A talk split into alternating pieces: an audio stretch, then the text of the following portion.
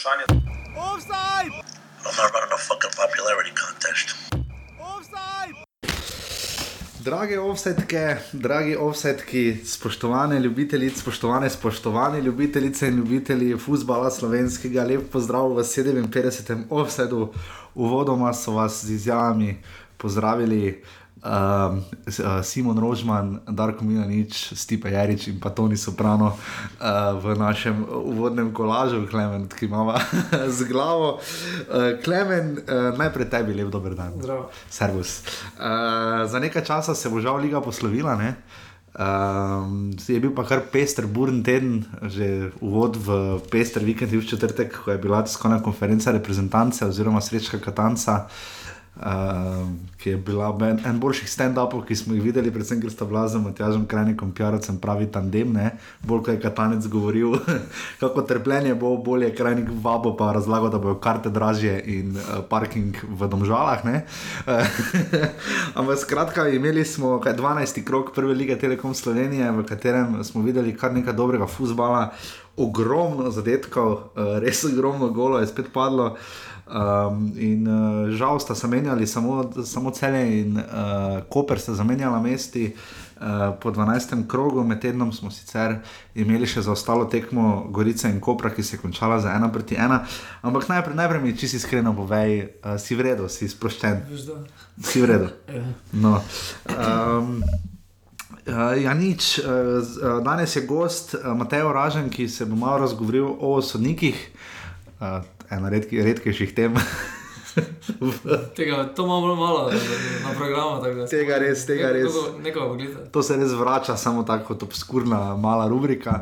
Uh, športni direktor Domžal je vnovič gostoval v Offsideu, povedal tudi, kaj bi lahko bilo boljše v, samem, v sami oddaji Offside, kar uh, jaz sam konkretno sprejemam in upam, da še bomo našli nekaj motivacije, čeprav je pa res, da v minulih dneh pa motivacija včasih malo zmanjka, ampak vendarle smo danes s Klemnom tukaj uh, v 57. offsetu oddaji o vaši in naši prvi legi Telekom Sloveniji, uh, ki jo poslušate na iTunesih, na SoundCloudu, pišete nam lahko na Facebook, pridno pa odgovarjava na offsetafnourbani.si, lahko pa nas podprete tudi na urbani.si pošiljnica offside, uh, kjer bo vsak evro šel ali na futbal ali pa v vzdrževanje tega, da mi dva s Klemnom tukaj blebetava o nogometu slovenskem, kot radi delamo, desne, neujemalne prilastke. Tako, uh, eh, 12. krok. Uh, kar nekaj pestrega futbola, kot smo rekli, klemen je danes nekaj zadržan, nekaj si mi, ne, nekaj si mi, čakaš, kaj te vprašam. Ne? ne. Uh, ja, videli smo, uh, videli smo sicer, kaj uh, tri gostujoče zmage, ne? dve domači, uh, videli smo nekaj zadetkov, ampak. Um, Da, vam nekaj iskreno povedati, ne? ker boste potem slišali uh, gospoda Oražma. Ampak uh, imaš občutek, da vsi skupaj gledamo samo Maribor in Olimpijo. Ne? Ker zdaj domžale, na tekmi z domžalami se je pokazalo, da domžale so bile res blizu, da bi Maribor potegnile dol, oziroma se same pridružile boju za najvišja mesta. Ne? Ja, domžale ni že nekaj časa po tisti suši Olimpije, Maribora niso v vrhu nogometa, stalno so nekje na tretjem mestu, četrtem, da držijo preključek uh, obima večjima kluboma, ki pa danes imate večjo bazo navijačev. Vedno zmanjka malo, ja, ampak vedno enako malo. Ne? Po drugi strani se mislim, da je že zanimanje navijačev mesta kot samega. Pač tam žal je dosti, prim, dosti temu primerno manjše, ne, v primerjavi z Mariborom, ki ima pač večjo, večjo bazo navijačev. Ja. Temu posledično pa je dosti bolj zanimiv za navijače in medije nasploh. Plus, domžale imajo tu eno prednost, ker lahko tako Mariborčane kot tudi Ljubljane zbadajo s tem, da imajo košarkarske prvake. Problem pri domžalah je meni ta, da pač nima nekega namena um, biti prvaki, po mojem mnenju. No, oni so pač nima namena. Namena nima biti prvaki. Vsak ima namen biti ja, prvak, tudi radom ne bo alumini. Ni cilj razvijanja igralcev, ja, tudi pa... trenerjev. Vi ste videli, da je Ezner šel, eh, če bi imeli nek resen namen, naj bi prodali črnica, Trakovskega in uh, Skubica, Vidmarja, Eznera. In pač oni imajo namen pač zdrav klub biti, uh, temu primerno pa je pač stanje na lesvici in Pravijo pa, da teže tekmujejo zaradi sodniških odločitev. Ravno na tekmah ne, v Olimpiji boste slišali, sem te vražem razgovoril. Da, kot smo parkrat napak rekli, v Offsideu ni ideja, domžal, da bi in Olimpije hkrati, domžal vsekakor ni, da bi sodil MNZ, sodnik iz MNZ Ljubljana. Ne. Prav tako bo povedal, kakšno tu kanala vpliva, ampak ne, ker po prvem polčasu v Ljudskem vrtu, da tekmo Maribora in domžal še seveda še pridemo, ampak nekako med polčasom sem dobil občutek pisma domžale, kako fajn bi bilo, če bi se en klub dvignil in pospel med. Mari bo in Olimpijo, in, ali pa nad njim, ne se zakaj pa ne. ne. Ja, samo en počas je premalo. In, uh... Kak si kruh? Kak si ti kruh? Ja, ampak... Jaz se to skušam videti ljudi tam do, do naših državskih kolegov, ti pa drasne.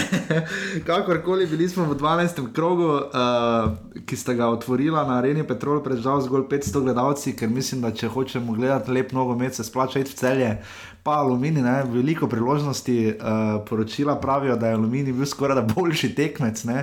Bojan Špehonja ni mu ostalo drugega, kot da je priznal, da se nogomet igra za gole. Uh, žal tega niso dosegli, ga je pa dal Matej podlogar uh, iz uh, ugodne situacije. No. Pa pa ki obrambe po napaki obrambe in pa po zelo spektakularno zrežiranem highlights posnetku, ker smo kamera malo, tri kamere so bile in upam, da tega ne bomo več videli v bodoče, ampak boljše, boljše išta nego ništa. Ne. Uh, pri celju še vedno ne vidimo, uh, ne ni bilo. Goran Sijanovič, ki je, ne, ki je Amar Rahmanovič. Ne. Ja, nekaj časa je ni. Ja. Pri drugi strani, pri aluminiju, pa je problem realizacije. Imeli smo večjo posest, 57, 43, uh, več strelov na gol, imajo uh, pa problem z doseganjem zadetkov. Na zadnje so delili v šestem krogu v Ljudskem vrtu. Dvakrat. Uh, uh, dvakrat. Od takrat dalje so imeli za pol uh, štiri poraze. Na šestih, na, se, na šestih naslednjih tekmah niso dali gol. To, torej, to je bilo 678 minut, brez zadetka so. Uh, od takrat naprej so štirikrat izgubili in dvakrat uh, remisirali. Pa niso dali olimpiji. A ne, tam je pena, ne, ja, ne, pardon, pardon zamenjal, ja, z glave. Štirikrat so izgubili, dvakrat so brezirali 0-0, osvojili so v naslednjih šestih, v šestih tekmah, naslednjih so osvojili dve točki, a, v prejšnjih šestih so pa osvojili a, sedem, tako da zdaj druga polovica tega dela, a, 12 tekem je pač slabša za aluminij, problem realizacije, tako da pač oni tudi komaj čakajo, po mojem, to je značno pauza povrne neko motivacijo, da je samo zavesti, da je samo, da je mogoče to potrebno. Najbrž res. Moramo paziti, veš, ker imajo še huje efekt, čekajo, preverjajo podatke kot Hillary Clinton in Donalda Trumpa v ameriških predsedniških volitvah. Uh, ja, aluminijo res z malo zmanjka, ne pa zanimivo. Uh, zelo všeč mi je bila izjava Roberta Pevnika, ki je rekel, da je tokrat uh, prevagala najbrž boljša komunikacija znotraj ekipe. Da morda ni bila igra toliko boljša, tokrat je bila pa komunikacija. Ka, ka, ka, kaj bi. Ne vem, kaj je pozitivna komunikacija, to je nekaj, nekaj negativna. Oziroma, tem krogu tudi vemo, kaj je, ko ni komunikacije, ko nekdo reče hvala in gre.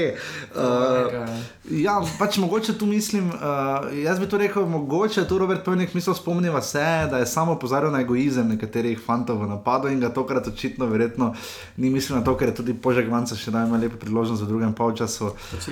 Pačirek. Uh, Nekaj celje, domžale in gorica so se zdaj tu zložili, zlagajo se počasi za kandidati za tretje mesto. Ne? Jaz mislim, da po igri, po navdušenju, iz trenutne prizme bomo videli, kaj bo prvi potančen premor, ampak celjani, ne, celjani, ne smemo pozabiti, imajo res dober niz. Ne. Uh, celjanom gre dobro, vse skupaj. In... Zadnjih pet tekmov pa so oni štirikrat zmagali ne? in vmes so izgubili samo za Olimpijo. Tako da so tudi na koncu lepo zbirali točke, padlo je med temi tremi ekipami je padlo za Koper, ki dejansko so bili v vrhu.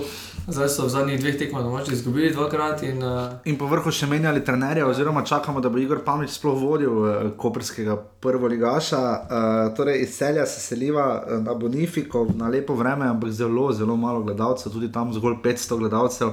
Luka Koper udar velenje 1 proti 4, udar, ki, uh, rezultat, ki bode malo v oči. Uh, ne toliko, pač bode v oči, glede na to, da, se, da je Koper doma izgubil samo točke proti Mariboru, vse ostalo je zmagal. In glede na to, da je pokazal dobre predstave, da je iz Nove Gorice med tednom prinesel točko, uh, potem pa to ne, potem pa ena proti štiri razpad sistema, sicer Koper ni bil brez priložnosti. Ja, mogoče so pač rodari izkoristili svoje priložnosti. Je pa razdar, ko zdaj boljše igra proti boljšim ekipam. Ja. Proti Mariboru, ko zdaj motivacija na večjem nivoju. Uh, pri Cooper pa zdaj že drugo tekmo zapore, doma izgubil, uh, prej ima vse zmage. Zdaj pa Maribor in Rodar. Res pa je, da dobili so 2 euro gola glavine, Dominika glavine, sploh drugi zadetek je bil eden najlepših. Mislim, gole, ki, pad, gole, ki padajo v tej sezoni, uh, videli smo sicer copy-paste uh, gola, ki ga je prejšnji teden dal Jan Repas. Uh, za, uh, go, za domžalega je zdaj dal Klemen Šturm samo v svoj gol, uh, skoraj da copy-paste. Uh, Zdaj sem vprašal Darka Milaniča v petek, zakaj ravno Maribor prejme Eurogole. Ne? Je rekel, da se proti temu ne da, uh, ne, da, ne da obraniti, da se na to ne moreš pripraviti, ne? ampak dejstvo pa je, da uh, tudi vročina s tistim gigantskim, brutalnim, prostim strelom, mislim, če bi tam že koga v glavo zadeva, mislim, da bi kar direkt vizol odpeljali no? v bolnico, ker je res bil šus, no? ker ja, blizu. pa blizu, pa igralec se mu je omaknil, ampak to res red, ne vidimo, da ni bilo toliko tako močnih strelov, sprostega strela na gol, no, tako ponovadi plasirajo. Ne. Ja, ampak od blizu je pač uh, težko, je, te, težko je zaplasirati od blizu, no, in zato pač se pa zdaj odločijo, tudi Golman je bil brez, brez možnosti. Ne. Pri Kopru, uh, prejšnji teden, res je Rok Maver bil, uh, nekateri ste, ste nam pisali, da ja, je Rok Maver bil res super gost, še enkrat hvala Roku za super pojasnilo, kaj se dogaja v Koprskem prvem ligašu, ampak ravno takrat, ko smo, ko smo mi delali pogovor, je v Kopru po prišlo do menjave, ne po remiju, ne, in meni je žal, da Milan Obradovič odhaja, čisto osebno mnenje, ker mislim, da je držal skupaj. Uh, da je bil najmanj moteč člen, oziroma najmanj taki kolerični in tako naprej. Ampak zdaj smo videli, da je Oliver Bogatino je vodil tekmo v Novi Gorici in zdaj še proti Rodarju. In čakamo, da bo Igor Pamič vodil to falango igralcev, ki so, kot je rekel, rok naver agencijski, to, kar se bo zdaj dogajalo tudi v celju. Ne. Kakšno je tu tvoje mnenje ne, o teh agencijah, oziroma Kopru vidimo timskega duha? Ni, Jaz bi rekel, da navijači tudi dosti povejo, ne, da enostavno Koper kot mesto ne sprejme. Uh, pa ne bi rekel župana ali bilo kaj druga, uh, to novo vodstveno strukturo, ampak ko zdaj ne paše, da se igralci vsaki prestopni rok, pa še med, med, uh, med prvenstvom se menjujejo. Uh, včasih tega, tega v taki meri nismo videli in zdaj pač je problem, da igralci prihajajo na, na poziv eh, tistega agenta Barene, eh, Hrvata, ki pač eh, je tudi pripeljal za Praniča. Uh, ki je imel že ne, nekaj priložnosti prečko za dnev. Uh, Seveda, igralci niso slabi, ne? vprašanje pa je, kako so z, uh, združeni v celoto, oziroma koliko, koliko slovenskih igralcev za sploh uh, igra, sicer je več, primerjavi z lansko sezono, ampak vseeno, ko zgleda ga mesto kot tako, ne sprejme. Ne, ne sprejme tega, ne? in tu se zdi, uh, to je lahko delo, tak princip je lahko delo v Zavrču, ki je tako ali tako majhen kraj, ne pa v Kopru, ker pa. Ki so včasih bili prvaki. Uh, ja, ker tudi, ja, so enkratni prvaki. Uh, in se mi zdi tudi, da ravno pri Kopru je pa nek nogomet kot neka simbolna točka skupnega odestovanja v kraju, recimo, ne, to, kar je različno od državljanov, ne državljani. Vprašanje je, koliko se tre, vedno bolj se identificirajo, ampak se bolj pozna to, recimo lani v finalu košarke, kot pa v nogometu, čeprav ne, ne na zadnje. Kako si potem razlagamo 8000 ljudi proti West Hamu, ne, ki je izjemno navijala za domžale. Uh, Uh, morda tu pri rodarju, Slobodan Krčmarevič je vnovič povedal, da se rodarje enakopravno nosi, ampak ko si sam dobro opazil, rodarji ima res težave potem z ekipami ekipam ja. iz spodnjega dela lesice. Kot je pač motivacija, se lažje motivira proti boljšim ekipam, uh, naslednjo tekmo uh, imajo pa. Proti uh, rodarju ima naslednjo tekmo proti domžalam, zelo zanimivo račun, ker bo šlo Razlika pa tako velika na lesici tudi ni. Ne? Ne. Uh, če gledamo, da je med državami in rozarom pet točk uh, razlike med tretjim in sedmim mestom. Ja. Uh, Tako da se ta, ta sredina lesice se zdaj bolj izrazito vidi. Vidi se bolj skupek sredine, ja. ker sta Maribor pa Olimpija vseeno rahlo pobegnila. Ja. Maribor je seveda zdaj zelo sedlo, da se odlepi vse domžal. Ker... Ja, Sploh Olimpija, ki ima pet za prvi zmag. Ki ima pet za vse, vse zmage, pod Luko je zdaj Luka, je zdaj ima 5-5, Simon Rožman ima 3-5 in Janez Žilnik ima nič od 5. Ne. In Oliver, Oliver Bogatino ima tudi nobene zmage v dveh tekmah. Bomo videli, ali bo Igor Pamič kaj boljši, ko smo že pri trenerskih menjavah v tej sezoni. Mislim, da sem vse naštel. Ne. Je še kdo zamenjal trenerja? Ne. Uh, Olimpija zamenjala uh, Radomlje in pa zdaj še Koper. Parodar pred začetkom sezone. Um, okay, uh, po tvojem mnenju lahko pričakujemo preko takšen razpad sistema, kot je bil lani, ko so se šele proti Zavrču v zadnjem krogu rešili? Ne? Mislim, da to, to ni za pričakovati, vseeno so zdaj kar nekaj točk zbrali. Uh, lani so se borili za obstanek, letos mislim, da to ni možno.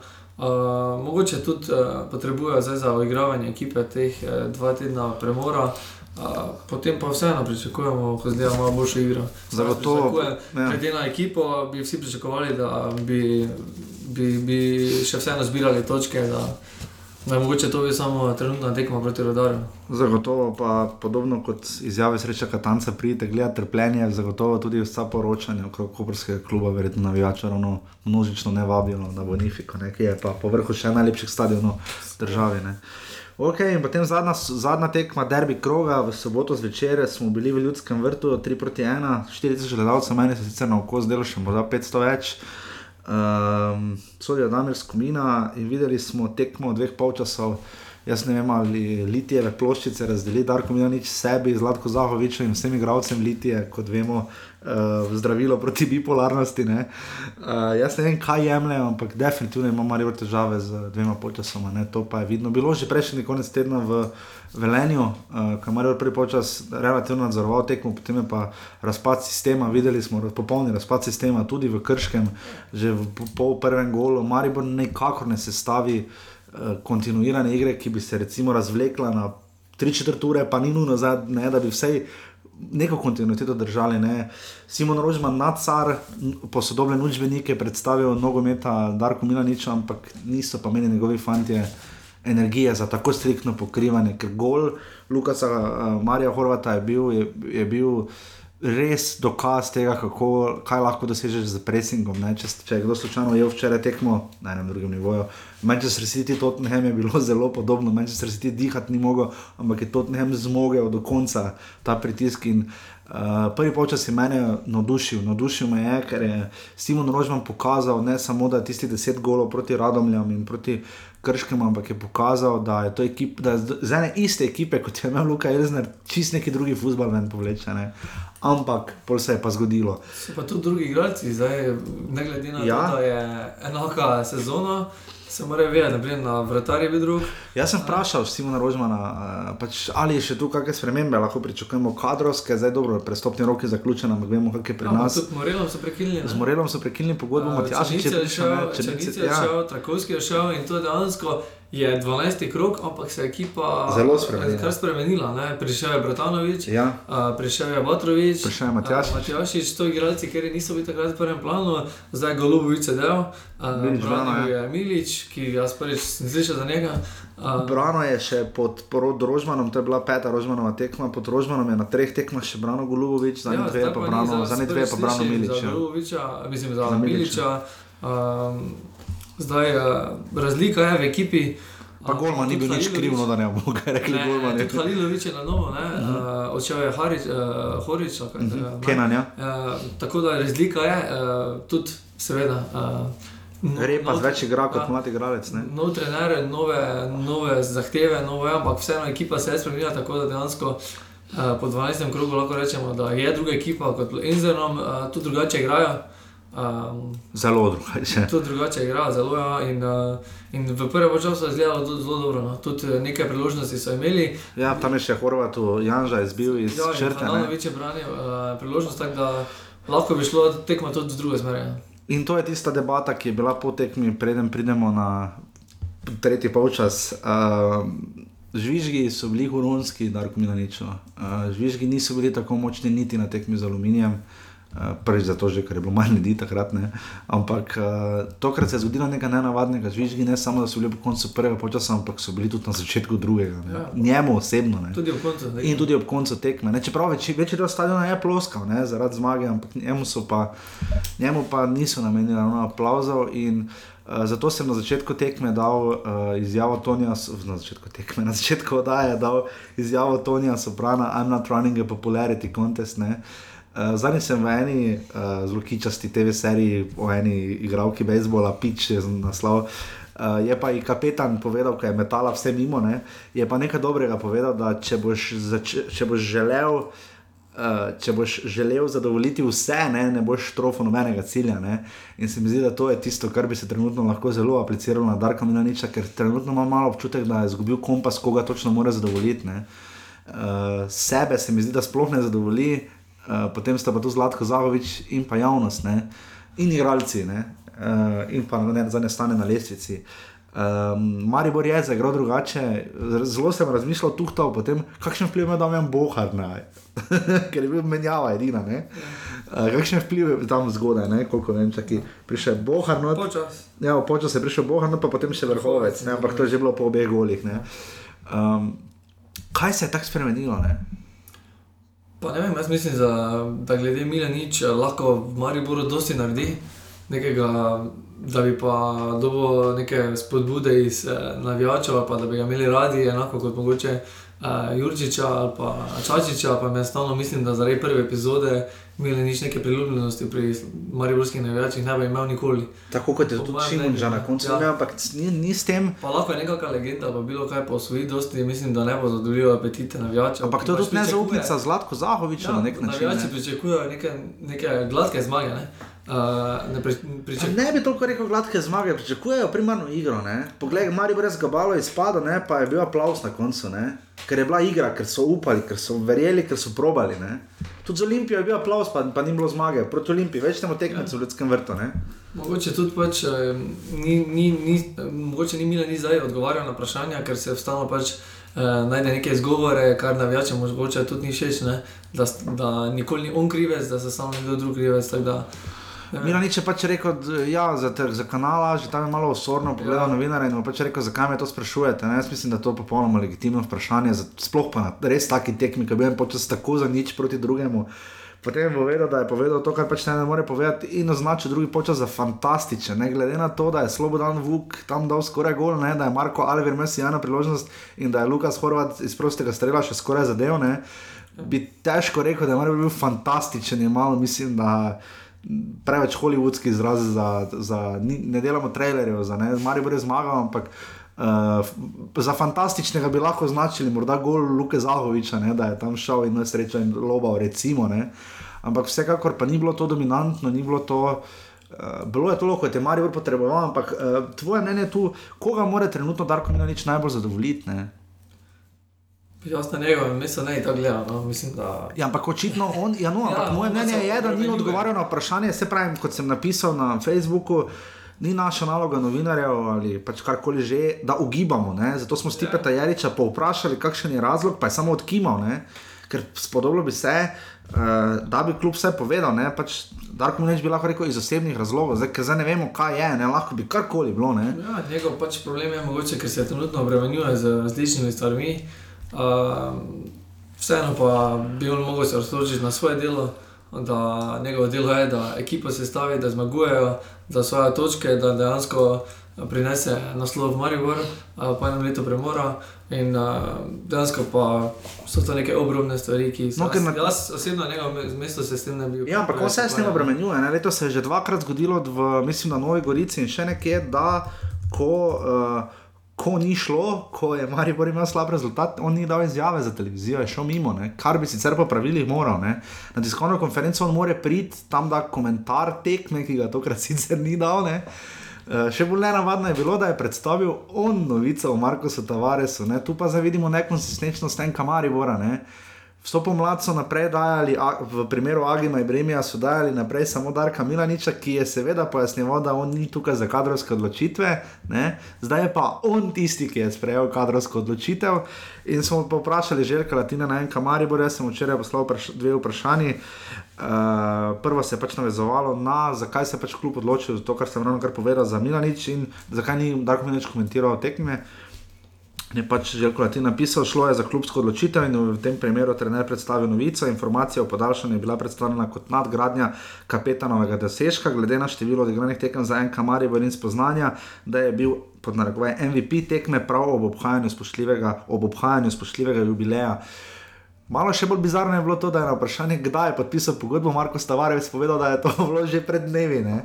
To je bila še naslednja stvar, ne se mi zdi nekako. Ne vem, ta začaran PR krok, ki v Mariboru zapiranje vrat načeloma ne pomaga, kot smo videli lani. Ja, zelo zanimivo odločitev. Ja. Dejansko pa po osmih letih je še podaljšal za dve leti, kar je meni, meni, meni je ta bolj podatek zelo zanimiv. Za dve, da ni ena plus ena, recimo. Ne, ampak... Po osmih letih še za dve leti podaljšal, kot zdaj se pač že pred dnevi odločil, da bo pač končal kariero tukaj. Uh, 401 tekma, 116, 117 gol v prvi ligi, skupaj pa mislim, da 155, kar je impozantna številka. Izjave Tavaresa je bila skoraj da ganljiva. ja.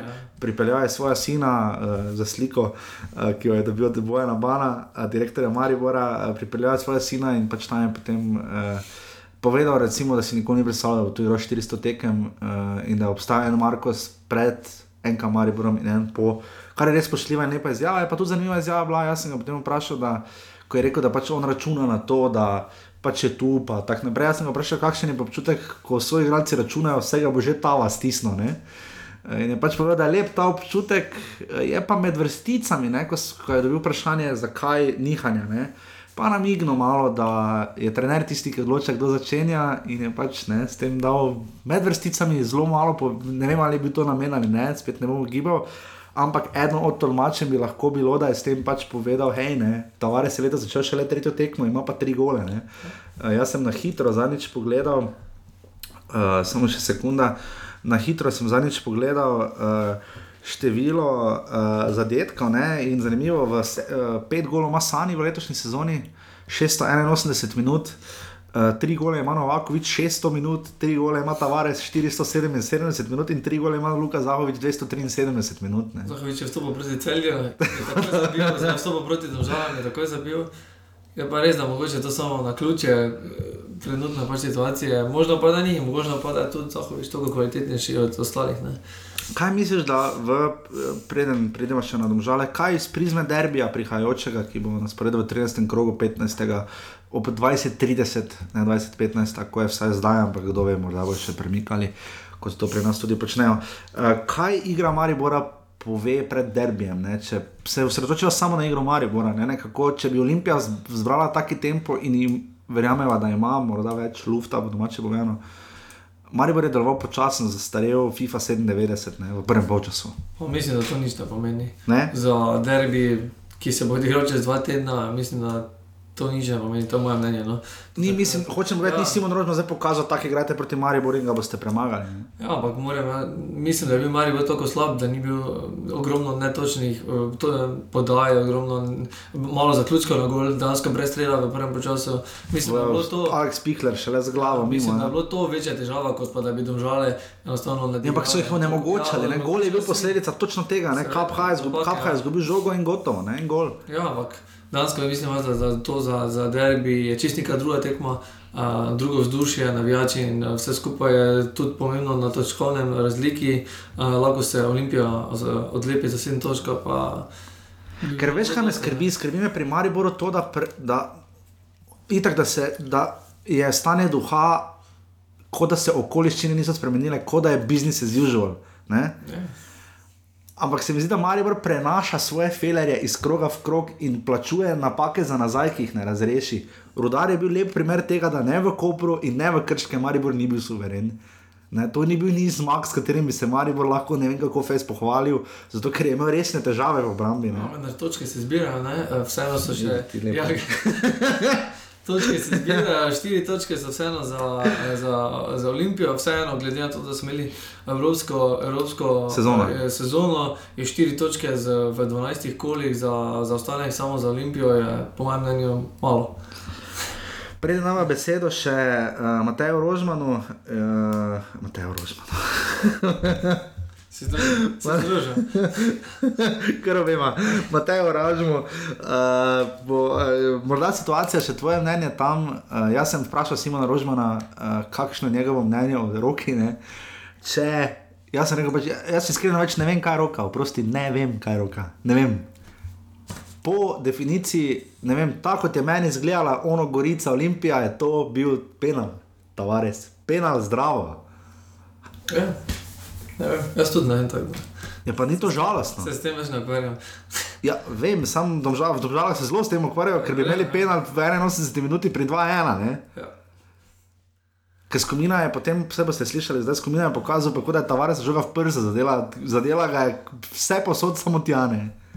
Ne, možno, da ne vem, sem videl reakcijo uh, z komine, možno da je pokazal, da če ne bi bilo roke, bi vseeno na prsta bilo, ne vem, zaradi tega, ne vem, da je bilo pač od blizu, je pa res, da je bilo zelo blizu, on je spustil z, z glave. Pa zraven je stal s komina, ja. to je bilo najbolj Videl vse. Videl je vse, ker je bil, ni mogel biti boljšem kadrom, ne. Ja, se pač odločil, da je to Ja, ampak, kot boste slišali, imajo o tem svojem, imajo s- o tem svojem mnenju tudi domžalčani. Uh, ja, ne smemo pozabiti, omeniti res lepe priložnosti, tam je Handanovič. Najprej zanimivo, Handanovič najprej slabo odbije žogo, ne, ja. potem pa brani, kar tam slabo odbije, kar bi marsikdo odbil bolje, pol pa brani tisto, česar ne bi skoraj da nihče drug. Ampak še zdaj bomo lepo dali besedo Mateju Ražmu, športnemu direktorju Domžal, ki se bo razbrcal o ne samo tej tekmi, ampak bo vam kar na dolgo in široko razložil vse, kar ste morali vedeti o tem, kako potekajo debate za sodniki, kako poteka delitev novih televizijskih pravic in še marsikaj drugega zanimivega. Mi se pa potem vrnemo, najprej še z nedeljskim tekmom, potem pa z Klemnovo najljubšo temo, srečkom Katancem.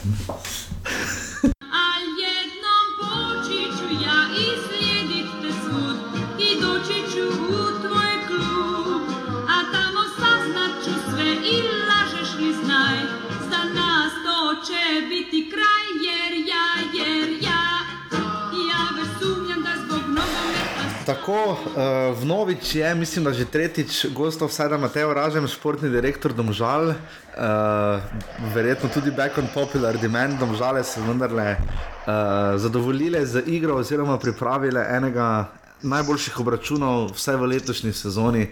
Prve lige Telekom Slovenije, uh, ampak na koncu se je končalo s 3 proti 1, ampak vendarle uh, verjamem, da je kar nekaj pozitivnega, kar bomo lahko izvlekli iz um, igre ekipe, ki je seveda prva, ki je premagala kakšnega premjera Gaša. Tako da še enkrat v vse do lepo zdrav, Mateo Ražmo, gospod Ražmo, dober dan. Zdravo. Um, kakšni so občutki zdaj, ko ste malo prespali, kakšen je uh, ta občutek, en polčas vodite v Mariboru, jih nadigrate, uh, imate vpliv tudi na nasprotne ekipo, ne na zadnje. Ne?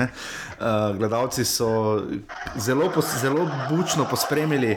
Uh, poteze, ki jih so pač vladale v ljudskem vrtu, ker so do- domžale pač preprosto res nadigrale Maribor v prvem času, potem pa je zmanjkalo. Kakšen je občutek, toplo, hladno?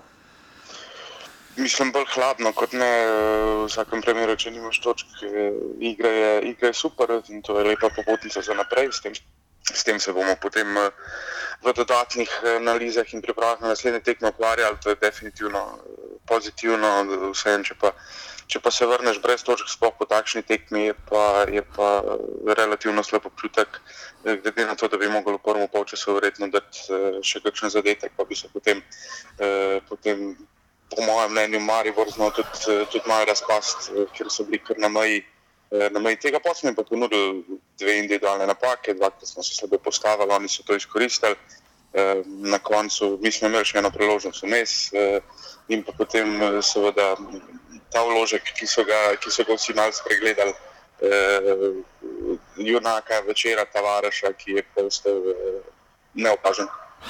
Kako je, eh, že na tiskovni konferenci sem vprašal gospoda Rožmana, govoriva seveda o situaciji, mislim, da kaj pri 2 proti 1, ko je Tavares potem igral uh, z roko, žog ga je zadela v roko, on je vsekakor igral z roko, pa več kot enkrat.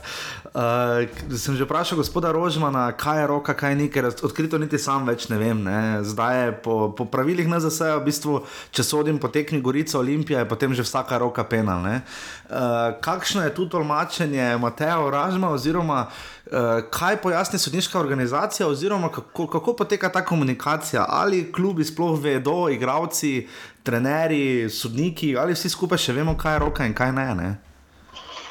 Načeloma naj bi vedeli. No. Komunikacija, kar je, je, je, na, je na samih seminarjih, s tem, da na tistih seminarjih kažejo neke, eh, neke posnetke, večinoma niso iz slovenske lige, ampak Ja. so, so mednarodni. Um, Pa je tako, da recimo devet primerov od desetih se vsi strinjamo, pred desetim, ko pa povejo, kakšno pravilo se pa vsi spogledamo, pa smejimo. -huh. e, jaz sem že velikrat to povedal, jaz mislim, da sami se v skledo pluvajo z, z pravili takšnimi, ki so, ker ti lahko roko piskaš vsako, pa nobene ti ni treba, če, če, eh, če ne želiš. Eh, In to je ti slab občutek, ki je ostal. ne. Zdaj, vprašanje, ali je bila igra z roko ali ni, vprašanje, ali je bila prva ali je bila druga. Če nekdo dvakrat v, v roku ene sekunde igra z roko, to potem jaz mislim, da ne moramo več pripisati pod nobeno uno ali nejo, ki se upravičuje. Ali je žoga zadela roko, ali je roka žoga, ali je on se naredil velikega, ali se ni naredil velikega. E, tako da za pojasnila, mi smo Sicer Simon je, Simon je vprašal, tudi po tekmi, mi nismo bili čisto prepričani, uh -huh. eh, kaj se je zgodilo. Eh, načeloma, jaz sem šel spat z prepričanjem tistim, ki mi ga je dal Damir Skupina na klopi, ko je prišel zadevo pojasniti, da je pač bila situacija popolnoma čista in da je žoga zadela tovariša v prsa, ker seveda ni res. On tudi na posnetku se jasno vidi, da kaže, jaz ne vem, stoji tri metre stran, mora biti vsaj delno. Eh, delno moraš imeti okvarjen vid, da ne vidiš, da dvakrat človeka roka v, v roko žoga zadane. Um, on je prišel, on je povedal, da je pač, kot vedno, on rad povdarja, da je on sodnik, ker verjetno ostali nismo tega opazili, glede na to, da je drugače oblečen. Uh, prišel je povdarjati, da je on sodnik in da je pač bila situacija čista. Mi smo se mu upravičili za proteste in do konca tekme, niti po tekmi, o tem ni Eh, nismo več uh, spregovorili, nismo, nismo več protestirali. Uh, jaz sem šel spat popolnoma pomirjen, zjutraj sem si počasne posnetke pogledal, sem pa skoraj spala padel. Uh, kako očitno igranje z roko je bilo uh, v, v tem primeru in enostavno ni upravičila na zdaj tista žoga. Žoga po, po, po principu tistega, kar so razlagali za, za Gorico uh, Olimpija, uh, žoga zelo dolg časa leti, on ima dovolj časa, da se pripravi žoga ga zadane v obraz, v roko, še enkrat v prsi in še enkrat v roko. Kam bi se ta žoga odvila, tam je bilo in kup naših igralcev, če tam, eh, če tam eh, pač Tavares ne bi z roko igral. Ali je to popolnoma naraven položaj, jaz se strinjam, ne moreš z rokami v telesu skakati, ampak eh, ne moreš pa, ne moreš pa seveda tudi to kril, sploh če te potem, če se žoga kotali po tvoji roki. Pač najbolj me pa moti to, no, da glavni sodnik stoji tri metre stran in potem pojasnjuje, da je situacija popolnoma čista, ki je pa ne more biti dlje od, eh, od resnice. Eh, pač ta trditev, ki je, ki je bila postavljena. Ja, zanimiva je bila poteza Damirja Skomine, ne, ki je pokazal, kot je tudi tam, na, kot sem videl na Facebooku, eh, od vaše strani na Facebooku, kjer ste spuščico pokazali na reakcijo sodnika, ki je bila malo čudna. On je kazal, da je Tavares imel roke na sebi, kar definitivno ne drži. Ampak če izvzamemo, da očitno lahko z roko večkrat igrata Thierry Henry in pa Marko Stavares, uh, uh, kaj lahko kljub tu naredi? Ne? Se ste rekli, najprej ste protestirali med tekmo, pa pride sodnik vam pojasniti, da je on sodnik, kar je milo rečeno, ko ste, ko ste sami namignili, lahko ne navadno, ampak kaj lahko potem kljub naredi, kaj um, tu, tu, tu lahko vi bolj opišete, so ti seminarji in tako naprej, ampak koliko poteka zdaj komunikacija med klubi in sodniki, ne? ker se zdi, da tu zdaj sodniki vozijo neko svojo igro, ki vo, vozijo po drugi strani ceste. Ne?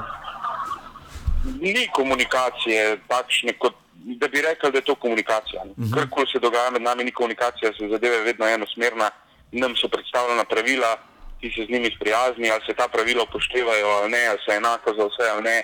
To je potem pač interna zadeva in to se načeloma nihče eh, ne, ne bi smel tikati, ker je pa popolnoma, popolnoma zgrešeno. E, in je pač tudi razlog za takšno situacijo. Tisto, kar je pa izjemno zaskrbljujoče v zadnjem času, je pa to, da se ustvarja. Ne, ne samo, da se ustvarja občutek, ampak je, je postaja že počasi dejstvo, da dobivamo ligo dveh hitrosti, da uh -huh. eh, imamo dva kluba, ki sta posvečena in eh, katerim, se, eh, katerim se pogosto gleda skozi prste, nekaj časa eno, pa se drugi pritožuje, pa se njemu nič slabega ne dogaja, ne? pa se drugmu, pa se potem spet prvi pritožuje. Eh, pa se spet njemu nič slabega ne dogaja, in na koncu je v bistvu tako, da eh, če procentualno vzamemo se en pritožuje v mojo korist, da samo 70 odstotkov situacij v korist eh, drugega velikega rivala, pa 90 in zdaj zaradi tega užaljen in potem pričakuje, da se takšne stvari dogajajo naprej. In to neminovno vpliva na, eh, na sodnike in na njihove, na njihove odločitve.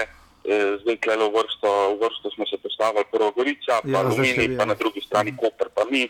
E, to je že polovica zdaj klubov. Jaz sem prepričan, če bi malo bolj detaljno pogledali še, še uvodne, uvodne, uvodne kroge, bi videli, še kakšno takšno situacijo in to je tisto, eh, kar je pa dejansko problematično. Zdaj, sodniška organizacija mora skrbeti za regularne tekmovanja eh, in to je tudi naloga nogometne zveze, ki jo vedno slabše upravlja v zadnjih letih, eh, tudi z medijskega vidika.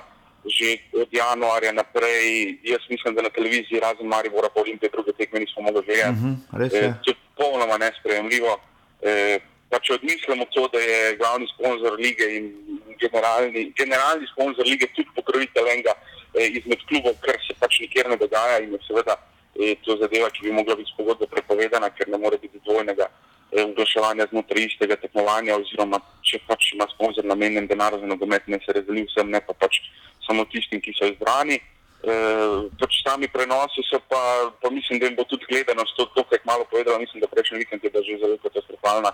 E, enostavno s tem, s tem našega nogometa ne bomo rešili. Uh -huh. e, mi se nevarno, nevarno približujemo Srbiji, e, kar se tega tiče, kjer imajo dva kluba in uh -huh. ostale, ostale klube, ki skrbijo za regularnost tekmovanja.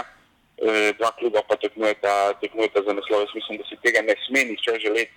Eh, tudi navijači enega in drugega eh, kluba, eh, ne, eh, tudi tisti najglasnejši ne, eh, ker to ni dobro za slovenski nogomet. Jaz mislim, da bi nam moglo biti to vsem jasno. Ne. Seveda nekaterim, nekaterim takšno razmerje eh, odgovarja, tako tekmovalno kot marketinško, uh -huh. eh, za razvoj nogometa pa to je izjemno slabo. In to je, to je nekaj, na kar bo, na kar bo treba eh, jasno in glasno opozoriti, eh, da na tak način se nam ne piše nič dobrega.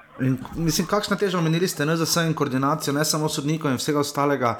Kako skomunicirati to? Ne? Simon Rožman je omenil, da bi bilo super, če bi bilo v javnosti malo več debat okrog recimo teh rok in bi takrat tudi trenerji lažje sodelovali, oziroma v tem primeru je pač rekel domžale, oziroma to, kar se tudi zdaj pogovarjava. Kako, kako te pre probleme predstaviti sploh NZS-ju? NZS Aleksandr Čeferin je preden je odšel pač večkrat poudarjal, uh, da so pač porihtali ligo, da so zrihtali prenose, sponzorje in tako naprej. Ampak kot vidimo, ni, ni, ni, ni, ni, ni, ni vse tako super, kot se morda zdi na prvi pogled. Seveda je verjetno boljše, kot je bilo prej, ampak se pa zdaj vidi, da je nekako zastalo. Kaj lahko recimo tu vsak posamezen klub, konkretno domžale, naredijo? Ne? Težko, težko se posamezni klubi pred tem zoprstavljamo. Tukaj je treba se posuditi s pepelom z vidika klubov in povedati, da smo tudi izjemno neaktivni, mi še vedno se nismo zorganizirali, da bi, eh, da bi imeli vsaj neko obliko združenja. Ja, kot je bilo. Eh, prvo ligašo, kar je popolnoma normalno posod v Evropi, ker smo tudi imeli, potem na željo nekaterih klubov se ta zadeva ukinila, ker pač niso bili zadovoljni z, z politiko, ki se, eh, ki se je peljala, ki bila pa seveda pogojena za večino, ne? ker potem pa odloča večina klubov in, ne, in, in vsi imamo en, vse, glas vsakega kluba enako šteje. Ne? To pa mhm. seveda nekaterim klubom eh, ne odgovarja enako kot, eh, kot ostalim. Sestanki na NZS-u v, v zvezi s prvo ligo, mislim, da so enkrat ali dvakrat na leto, ker se kratko seznanimo z marketinškimi aktivnostmi, kjer vsakič poslušamo eh, načeloma, načeloma enako zgodbo. Eh, potem debate nekaj pa ni, no, da, bi, da bi razmišljali o tem, kaj boš narediti. Enostavno smo, smo na milost in na nemilost prepustili nogometni zvezi, ki je naredila marsikaj dobrega, ampak še zdaleč ne toliko, eh, kot, eh, kot smo mi pričakovali od njih. Če govorim iz finančnega vidika, se situacija ni izboljšala praktično čisto nič. Uh mhm. -huh. Mi dobivamo 50 tisoč evrov na leto, oziroma nekaj več, če si uspešen, poštovno, oziroma nekaj manj, če nisi uspešen eh, z vidika, z vidika prodaje vsega, kar imamo, to se pa generalno sponzorstva in pa televizijskih pravic. Z vidika, z vidika osnovnega marketinga, ostali klubi imamo več, mislim, mi ne tekmujemo za dve tekmi na leto, eh, oziroma za štiri tekme na leto, ki jih igramo z Mariborom in z Olimpijo, eh, ampak tekmujemo in, in, in, in delamo za, za vseh, vseh 36 tekem, ki jih igramo. Eh, na vseh tekmah točke enako štejejo in potem, če si, če si popolnoma zapostavljen v tem pogledu, je, je, je seveda to zelo, zelo, zelo, zelo težko. Um, mislim, da je tudi situacija pri samih prenosih do tega pripeljala, ker smo bili malo potisnjeni ob steno, eh, pa bo takrat zelo pomembno, da smo, da smo Proplus eh, eh, dobili zraven. Sicer spet klubi v tem nismo bili nič obveščeni, uh mhm. -huh. eh, post factum, ko je bila zadeva že izklenjena, so nam poslali v podpis eh, soglasje za prodajo pač marketinških in televizijskih pravic, seveda to narediš, ker eh, ti, ti prav velik drugega niti, niti ne preostane, da bi kdo vprašal.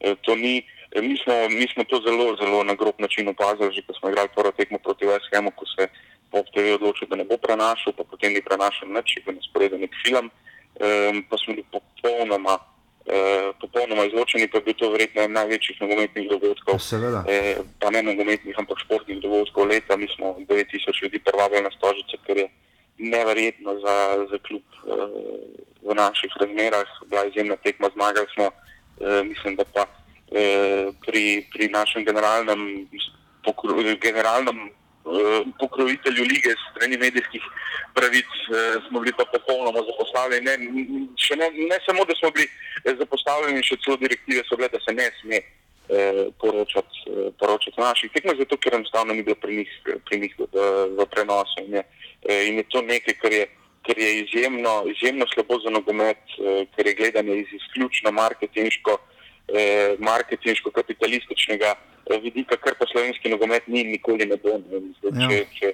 nekdo pričakuje, da bomo mi eh, se šli biznis, kot se ga grejo drugje, eh, je seveda to, to popolnoma nemogoče. In- in- Ta, ta bipolarnost, ki se zdaj kaže tudi v, v sodniških odločitvah, je, je zelo, zelo nevarna. Um, še enkrat, poglejmo si razmere v Srbiji, eh, kako nogomet tam funkcionira, eh, na kakšnem nivoju, eh, kakšno tekmovanje je, kako zanimivo je, oziroma kako ne zanimivo je, predvsem. Um, jaz, mislim, da, jaz mislim, da si tega, eh, tega nihče ne sme želeti, konec koncev, tudi ne glede na številne uh, vrhunske svetovne, svetovne kalibre nogometaše, tudi reprezentanca potem slabo funkcionira uh, v, v takšnih razmerah in to je, to je dejstvo. Enostavno, vsak, vsak nogometen problem se ne more. Eh, Se ne more zreducirati v končni fazi na to, kaj je interes Olimpije in kaj je interes Maribora, in vedno potem eh, samo, samo iz tega vidika, iz tega vidika eh, gledati na zgodbo. To, to ne gre in to nas, to nas pelje v, v, v, v slabše čase za slovenski nogomet, ker si pa ne moremo privoščiti, ker smo zelo, zelo slabe čase preživljali zadnjih nekaj let, končno se je zadeva malo popravila in jaz mislim, da moramo na, na tej poti nadaljevati in, in ne iti v, v, v, v smeri, da ustvarjamo ligo dveh hitrosti. Če bi primerjali recimo iz časov, ko so domžale os osvajale naslov prvaka, oziroma pač bili prvak, kakšen je tu, uh, kakšen bi tu bil efekt danes? Ne? Bi torej, če prav razumem, uh, kanal Waja in NZS-ju in sodnikom ni v interesu, da bi imeli Leicester City pri nas. Ne? Jaz ne vem, če mi interes ali ni. Jaz mislim, da na moj zvezi je definitivno v interesu, da, je, da, se, nogomet razvija. Um, časi so seveda, seveda popolnoma drugačni, ampak tudi takrat ni bilo, eh, še zdaleč, da je bilo lahko. No. Mm -hmm. vedno, vedno je bila borba eh, z, z, ne bom rekel za mediji, no, ampak za pokritostjo, eh, za objektivnostjo posameznih novinarjev, ki je, ki je zelo zamegljena, eh, še posebej, če gre za eh, zeleno ali vijolično obarvane novinarje, eh, pa jih je kar nekaj. Um, tretje pa potem tisto, kar pa najbolj boli, no, je popolna, popolna, praktično popolna ignoranca, eh, takrat, ko ne igraš z Mariborom in z Olimpijo. Uh -huh. um, mi smo zdaj dva, dvakrat zmagali, spet nič, mislim, da v vseh prispevkih je, eh, je bil zavrten en gol ali pa dva, če govorimo o eh, najpomembnejših eh, oddajah, mislim, da v časopisih je bilo bolj zaznamek kot pa poročilo iz tekem, ker je seveda. Eh, Ker je seveda katastrofa in sramota za te medije, uh -huh. da pač, eh, da pač tako, tako, tako te zadeve pokrivajo. Eh, Ni pa to edina, sej na, na vseh področjih je racionalizacija stroškov velika in eh, novinarstvo nasploh je zaradi finančne krize zelo, zelo močen eh, udarc eh, doživelo v zadnjih letih in je kvaliteta, eh, kvaliteta močno padla in je potem eh, nekaj osamljenih jezdecev, ki, ki znotraj tega še, še, še držijo nek nivo, eh, velika večina se je pa, pa zreducirala na prepisovanje člankov in pa, eh, in pa totalne analize, zakaj sta šla Brad Pitt in Angelina Jolie razen, eh, vse ostalo pa. eh, Vse ostalo pa potem ni več, ni več tako, tako pomembno. Um, to je pač tudi internet, prenese in klikanost, pač, ker enostavno se klika na, na tiste naslove, ki so nekomu zanimivi, pa iz katerega razloga eh, že to je. Ja, ker vsekakor ne prihod, recimo prihod Jureta Matjašiča v Domžale je vsekakor zanimiv, vnovičen odhod Benjamina Morela, ravno tako ne. Recimo. Mislim, Jure je, Jure je reprezentant v prvih treh tekmah, eh, je zabil tri gole. Uh Mhm. -huh. Če bi podpisal za Olimpijo, pa to naredil, mislim, da bi ga. Da bi, da bi prvo vprašanje na tiskovni konferenci Katance bilo, kje je, kje je Jure Matjašič eh, in zakaj ni zraven, eh, ali se tega nihče ni spomnil. Eh, nikoli se pa seveda za, za takšnega heroja eh, največjih dveh klubov, kot so sami, sama rada pravta, eh, ne pozabi vprašati. To je pač ta problem, eh, o katerem govorim, to je ta dvojna smeril, eh, ki se uporablja, proti čemer se je pa zelo, zelo težko eh, boriti, ker potem, ko pač na to upozarjaš, eh, se enostavno označen, da si užaljen. In dejansko tudi si, ampak si upravičen. Eh, to, je, to je največja razlika. Tako kot smo mi eh, upravičeno, eh, upravičeno razočarani in jezni in, in zahtevamo upravičilo Damira Skomine za, za to, da je prišel in nam razložil, da žoga zadela Marka Sotavaraša v prsa, seveda pa spustil podrobno, da ga je dvakrat omen zadela roko.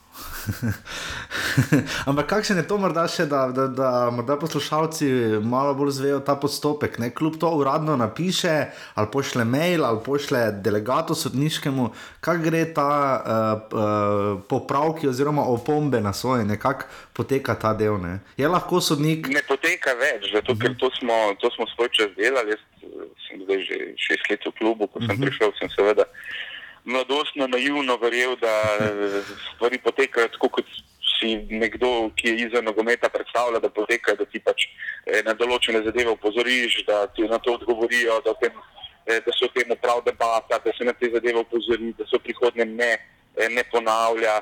Eh, ampak jaz ne vem, koliko krat smo mi že, že rekli, da ni v redu, da nam na tekmo z Olimpijo sodijo sodniki iz Ljubljane, pa je spet zdaj nam Blažič sodil eh, Mhm. tekmo z Olimpijo, pa niti ni slabo odsodil, da se razumemo, tisto tekmo eh, smo, smo zgubili, ker smo enostavno bili, eh, bili imeli slab dan.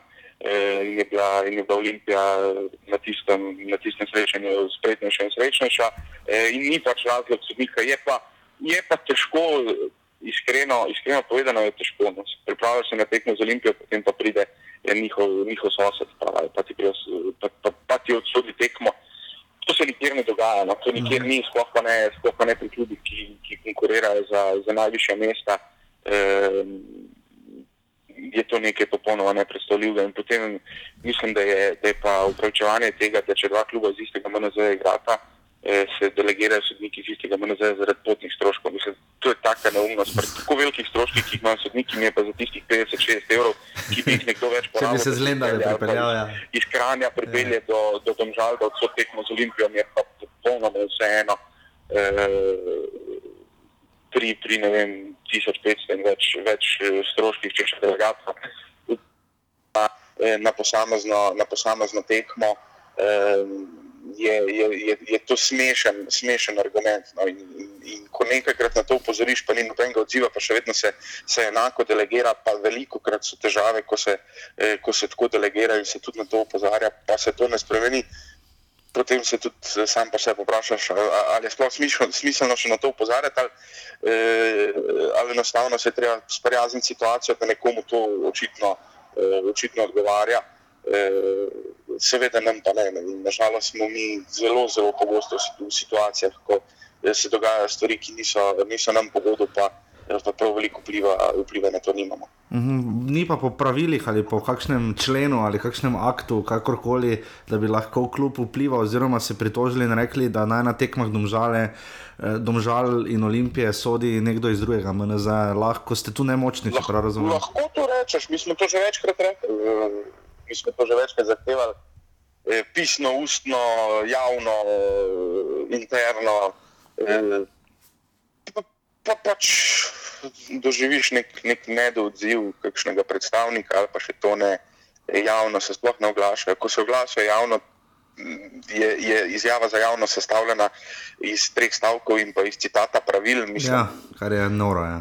To je, to je tako, kot, eh, kot eh, če, bi, če bi sodnik eh, objavil sodbo, rekel, obtoženi je kriv, pa potem, eh, potem spodaj prilepil vse, vse zakone, ki jih je pri tem upošteval. ne. Mhm. Eh, Pa nobene razlage zraven napisal. Mislim, to je seveda nespremljivo. Je pa res, da takoj, ko eh, sodniška organizacija se še kako dobro zaveda, da takoj, ko bi se odprla debata, eh, bi mogli biti nad nami. To je pa nekaj, kar oni ne, eh, ne počnejo eh, in nikoli, jaz mislim, jaz se bojim, da nikoli ne bodo. Eh, da poveš, da si nekaj naredil na robe. Sploh niste nič na robe, ne sodniki so ljudje, lahko si tudi tri metre stran, gledaš v situacijo, pa ne vidiš ničesa, pa se zgodi. Ampak človeško je, če ne drugega, da potem post factum eh, rečeš, naredil sem napako, eh, upravičujem se za napako, potrudil se bom, da bom naslednjič mm. eh, bolje naredil. Tistim, ki se pa napake zelo pogosto dogajajo, pa enostavno ne more biti, eh, ne more biti potem več, eh, več zraven, oziroma ne more biti več tako, eh, tako pomembne, pomembne vloge eh, v, v, v samem sistemu. Da, eh, jaz, mislim, jaz mislim, da tega ne bomo dočekali in da tudi komunikacije eh, še, še, še, še zlepa. Še zleta ne bomo dobili eh, strani sodniške organizacije, ker to pomeni, da bi se lahko cel, cel, cel sistem spremenil, ker pa, eh, ker, pa, ker pa vemo, da je vedno težko in eh, vsaka, vsaka organizacija je načeloma sama v sebi rigidna, se upira spremembam. Eh, sodniška pa še, še posebej. No, je tu morda kakršna koli, da bi se klubi med sabo povezali? Ne? Spomnim se, recimo v tretji ligi vzhod, uh, so se klubi povezali in so rekli, da pač takšnih sodniških tarif ne morejo več uh, plačevati, in so se pač povezali klubi med sabo in skušali doseči neko spremembo, seveda na dolgi rok niso. Ampak je tu kakršna koli možnost, ne? tu se zdi res, da sodniška organizacija dela lahko karkoli in je pač zato tudi plačana, ne glede na karkoli. Ne?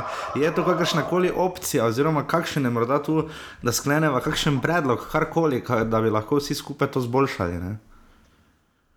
Dokler je bilo združenje, je bilo teh predlogov nekaj. Na en, enega izmed njih smo tudi mi, mi pripravili, kjer bi, kjer bi enostavno eh, plačila vezali na, na, na uspešnost, kot mm -hmm. je v vsakem normalnem poslu eh, dan danes, eh, ker pomeni, da bi dejanski akterji eh, tekem podajali eh, oceno, eh, oceno sojanja eh, po vsaki posamezni tekmi in da bi se potem na podlagi tega.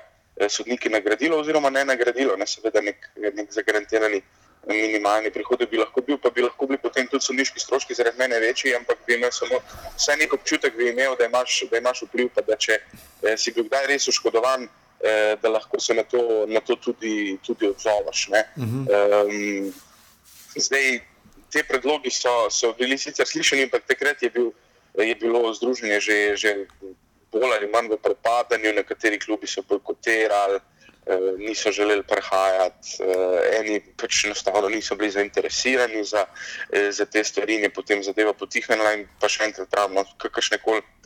Spremembe, ki so bile predlagane v tem oziru, so bile zelo hitro in zelo ostro zavrnjene strani sodniške organizacije, ki pa ima eh, kar precej močen vpliv v, eh, v slovenskem nogometu. To, to pa je res.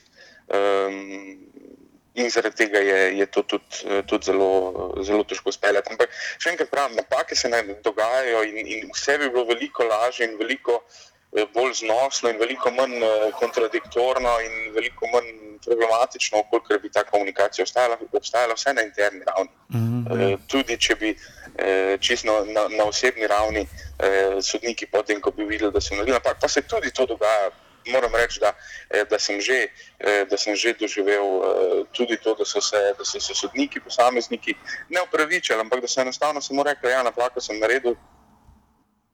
V redu, Ja. Upam, da bo, da bo naslednjič boljši, sem pripričan.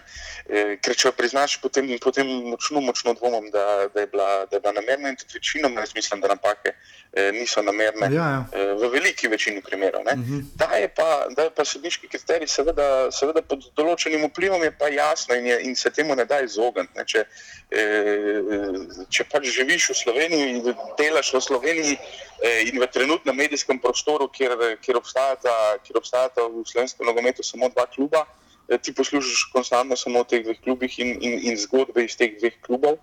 Eh, in potem to neminovno vpliva na, na predstavo sodnikov na, na posameznih tekmah.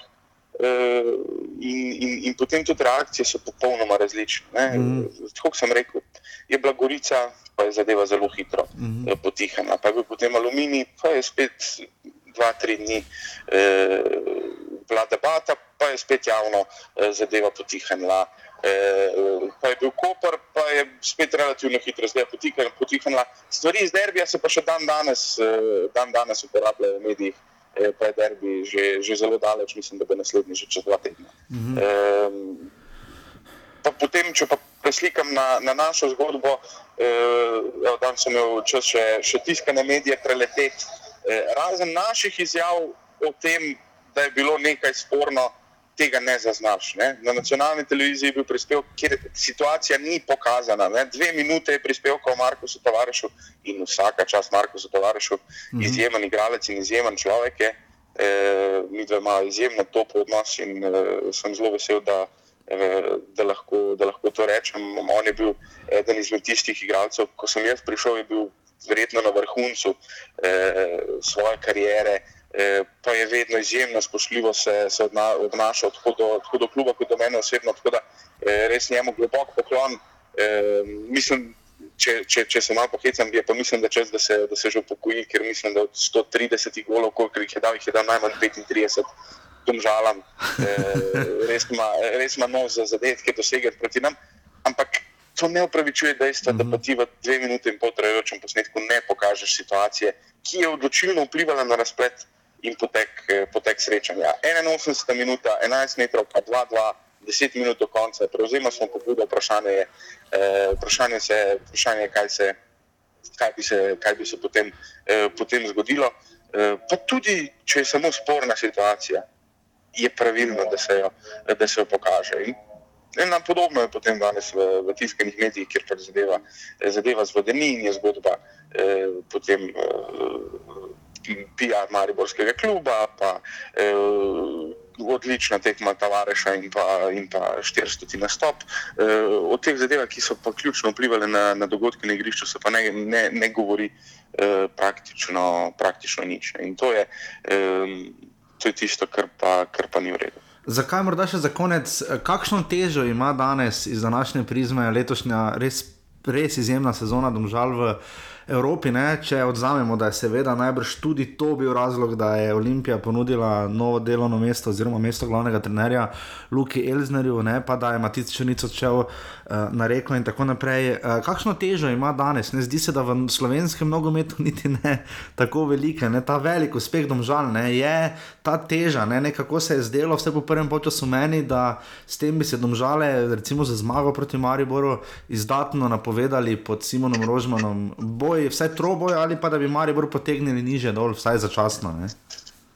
Um, za nas ima izjemno težo. Uh mhm. -huh. Za nas je, je to bil zgodovinski dogodek. Uh, prva tekma je bila nekaj, kar jaz mislim, da nihče izmed nas, ki smo bili tam, ne bo nikoli pozabil. Um, ampak še enkrat pravim, uh, pač na, na to nažalost vpliva tudi percepcija percepcija ostalih. In, in, in veličina določenega dogodka eh, se, se pogosto, pogosto določa tudi s tem, kako, kako na to gledajo ostali. In če si strani enega izmed dveh velikih televizijskih medijev popolnoma, eh, popolnoma omaknjen, eh, ko dosegaš zgodovinske uspehe, ne samo za.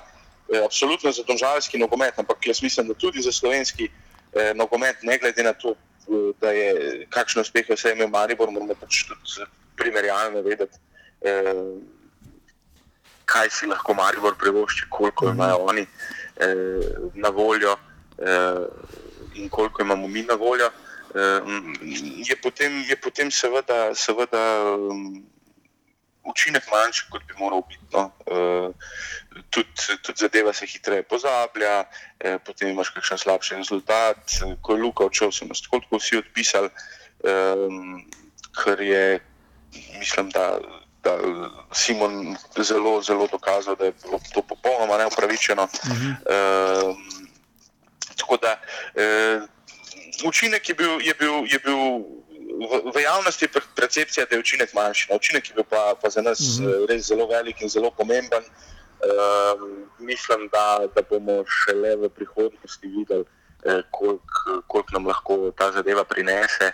Eh, vsekakor je pa, je pa eno veliko zadovoljstvo, da, da se končno po, po zelo, zelo dolgih letih ozremo na poletje in evropsko sezono z nasmeškom in, eh, in smo zadovoljni in veseli z, z tem, kar smo, kar smo pravili. In, in mislim, da smo dokazali.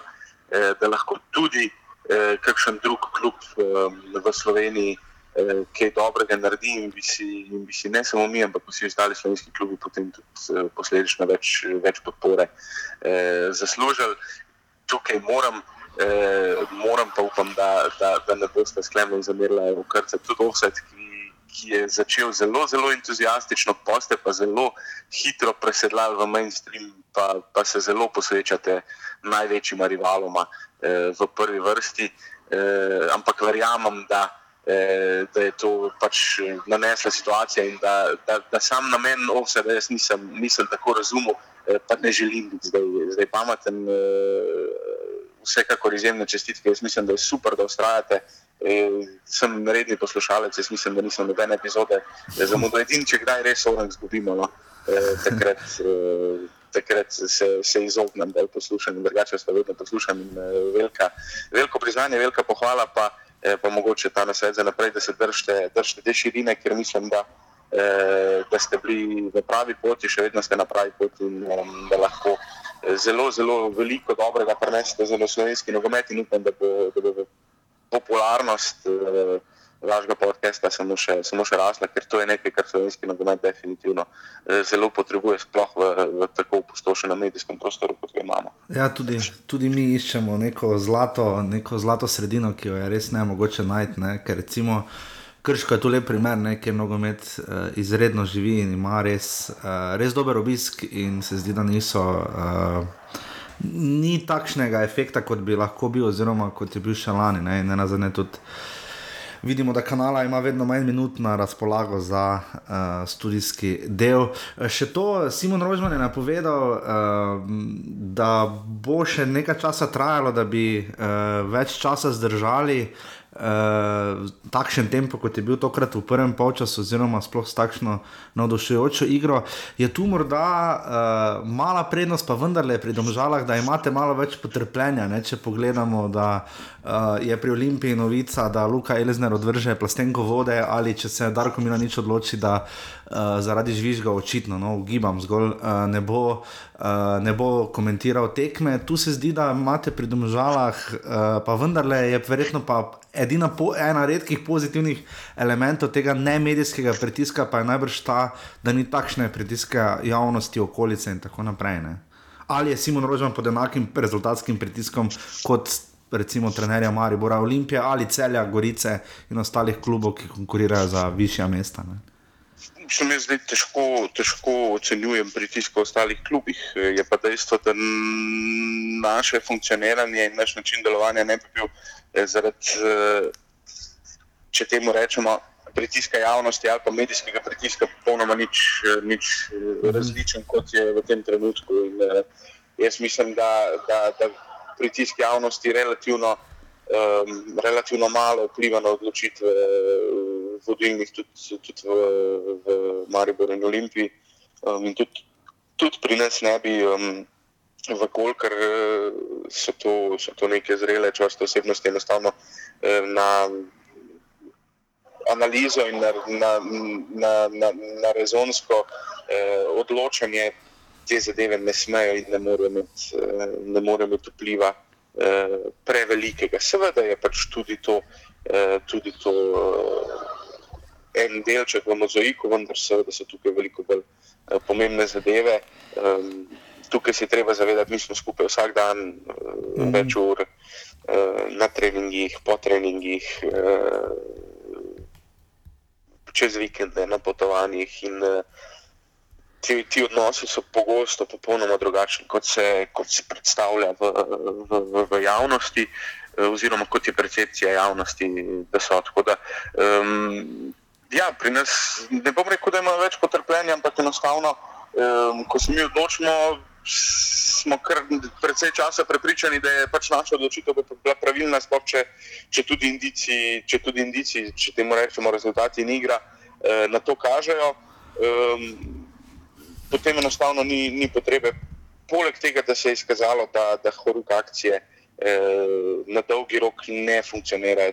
Ti ne moreš vsako leto z menjavami trenerjev nekaj doseči uh, in, in, in s tem doseči neke konstantnosti, neke rezultatske uspešnosti in pa predvsem stabilnosti kluba. To je pa tisto, kar si mi eh, za kar si mi najbolj prizadevamo in kar si najbolj želimo. In jaz mislim, da je to najlepša popotnica letošnje evropske sezone, da smo, eh, da smo dejansko za, za en lep čas stabilizirali klub, eh, ker poslovati v, v slovenskem prostoru pa res, res, res ni lahko. Eh, finančna sredstva so izjemno omejena. Eh, tistih nekaj sponzorjev, ki je eh, večjih, eh, lokalnih, so večinoma državna podjetja, kjer se potem po politični liniji eh, sponzorstva, eh, sponzorstva eh, odrejajo, eh, oziroma po, po, po, po, po nekih prijateljskih eh, navezah eh, se te, te odnose vzpostavljajo, in mi enostavno na, na ta del ne uspemo prodreti, in, in, in, in nismo še uspeli eh, prodreti, tako da poskrbeti moramo absolutno sami zase. Uh, je pa seveda potem zadovoljstvo toliko, toliko večje, če ti, če ti uspe, uspe nekaj, nekaj dobrega narediti. Naše osnovne poslanstvo pa še vedno ostaja mladinska šola, razvoj mladinskega nogometa, razvoj mladih fantov, razvoj mladih talentov. Uh, želimo si več, uh, še več repasov, še več uh, uh, žužkov in, in, in, in podobnih mladih fantov, uh, da ne govorimo o, o, Jonu, o Alenu. -hmm. uh, o Janu in vseh ostalih, ki so, ki so naš klub že, že zapustili. Mi se še kako dobro zavedamo našega osnovnega poslanstva, uh, ki je uh, prenašati veselje do nogometa na mlajše generacije in ponuditi možnost, da, ukolikor ima talent, željo, voljo in tudi nekaj sreče, da lahko uh, tekmujejo potem na najvišjem nivoju in, in, in to je nekaj najpomembnejšega, najpomembnejšega za nas. Seveda je pa delo, delo v članski ekipi tudi zelo pomembno, članska ekipa je ogledalo kluba eh, to mora biti, eh, to ogledalo mora kazati lepo sliko in dobro sliko, zato da so odnosi v klubu dobri in zato da lahko dobro delamo. In vse to, eh, vse to nam zaenkrat zelo dobro, zelo dobro uspeva. Tako da, tako da celotna situacija je, je zelo pozitivna, in potem je dejstvo, da potem tudi, tudi takšni mali pretresi, eh, kot so kakšne sodniške napake, pa potem pa medijsko preferiranje, eh, ne, nimajo velikega vpliva na, na naše delovanje eh, in, in, in, in ne, ne stresa eh, našega kluba. Uh, tako kot, uh, kot bi morda, morda kje drugi. Uh, je pa, je, ostane pa, ostane, ostaja pa potem tak granak preokus, da, uh, da enostavno merila za vse niso enaka. S tem se je pa vedno v življenju težko, težko uh, soočati. Je pa, je pa na veliko, če ne na vseh področjih v življenju, uh, tako, tako da uh, se je pa potrebno s tem sprijazniti in potegniti tiste pozitivne stvari iz tega, da lahko nekaj dobrega tudi narediš. Res je. Gospod Oražem, najlepša hvala za vnovično gostovanje. Uh, do naslednjič in uh, obilo uh, užitkov med reprezentančnim premorom in tudi nekaj počitka. Ne? Ja, definitivno. Hvala lepa. Vse slišimo, hvala, Dio, čau. Svenjem. Jer ja, jer ja, ja već sumnjam da zbog nogometa samo ti svake nedelje popodne ideš tamo. Tako, to je bil torej. Uh, Matej Rožman, Matej Ražem, športni rektor Domžal. Uh, mi pa gremo, gremo pa skrenemo kar naprej, da ne bomo predolgi, ker tokrat smo malo res daljši. Uh, Mari Bordom žale, torej 3 proti 1. Uh, potem na nedeljski tekmi, uh, več kot očitno se si zelenica ni opomogla v Krškem, Krško Olimpija 1 proti 2, uh, težek teren, težka tekma za obe ekipi. Uh, 1500 gledalcev, kot vedno, štirimestna številka v Krškem, kar bi moralo narodno spraviti marsikatero večje slovensko mesto. Uh, kot sta Koper in Velenje, uh, pa tudi Nova Gorica, ja, tudi delno, uh, pa tudi celje, ne na zadnje. Ne. Um, v bistvu vsi, tudi ljubljeno, ne na zadnje. Ne. Uh, ker je zanimivo, da na Krško olimpija pride skoraj toliko ljudi, kot na olimpijo Krško. Ampak ok, da ne bomo naših prekotrajanskih kolegov preveč zbadali, še vedno so seveda vodilna ekipa lige. Olimpija je um, povedala, Uh, in um, tu imaš na robe napisano. Ja, ja, ja. Mava na robe napisano, pardon. Uh, jaz sem tekmo tudi gledal, uh, zanimiv je obračun uh, Olimpija pod Elznerjem. Dajmo malo, malo se pohecati, se pohecati. Kakšna je razlika med Vanoljem in Elznerjem, če pogledamo na igrišče? Pa, Razen 3-5-2, pa, št- pa pač 4-4-2. ja, velikonec je preselil na klop. Uh, kar Pa je leke na bok, ne? Ja, to je bilo zelo bizarno, ne? da je ja. leke podaja zajcev v sredino, prej je bilo obratno. Ja, pa kjer se je pomaknil više. Celt, uh, to, to je bodrovalo k, k avtogolu. Uh -huh. uh, Ja, kjer je bil ja. soodgovoren za avtogol? uh, po drugi strani pa mislim, da je zelo velika razlika na vrtarskem mestu. Uh, Vodišek je zdaj dobil, uh, mislim, mene je presenetilo, da je še ligo posedel. Uh, da ni, Že sploh še liga ne brani, zdaj ne, že. da ne brani, da, da mi Kar je dobro, ker Ja. še liga znal kiksniti. Uh, on, vodišek pa ne, dobil je prvi zadetek. Uh, Ja, po prvi 500 zadetek po ali koliko?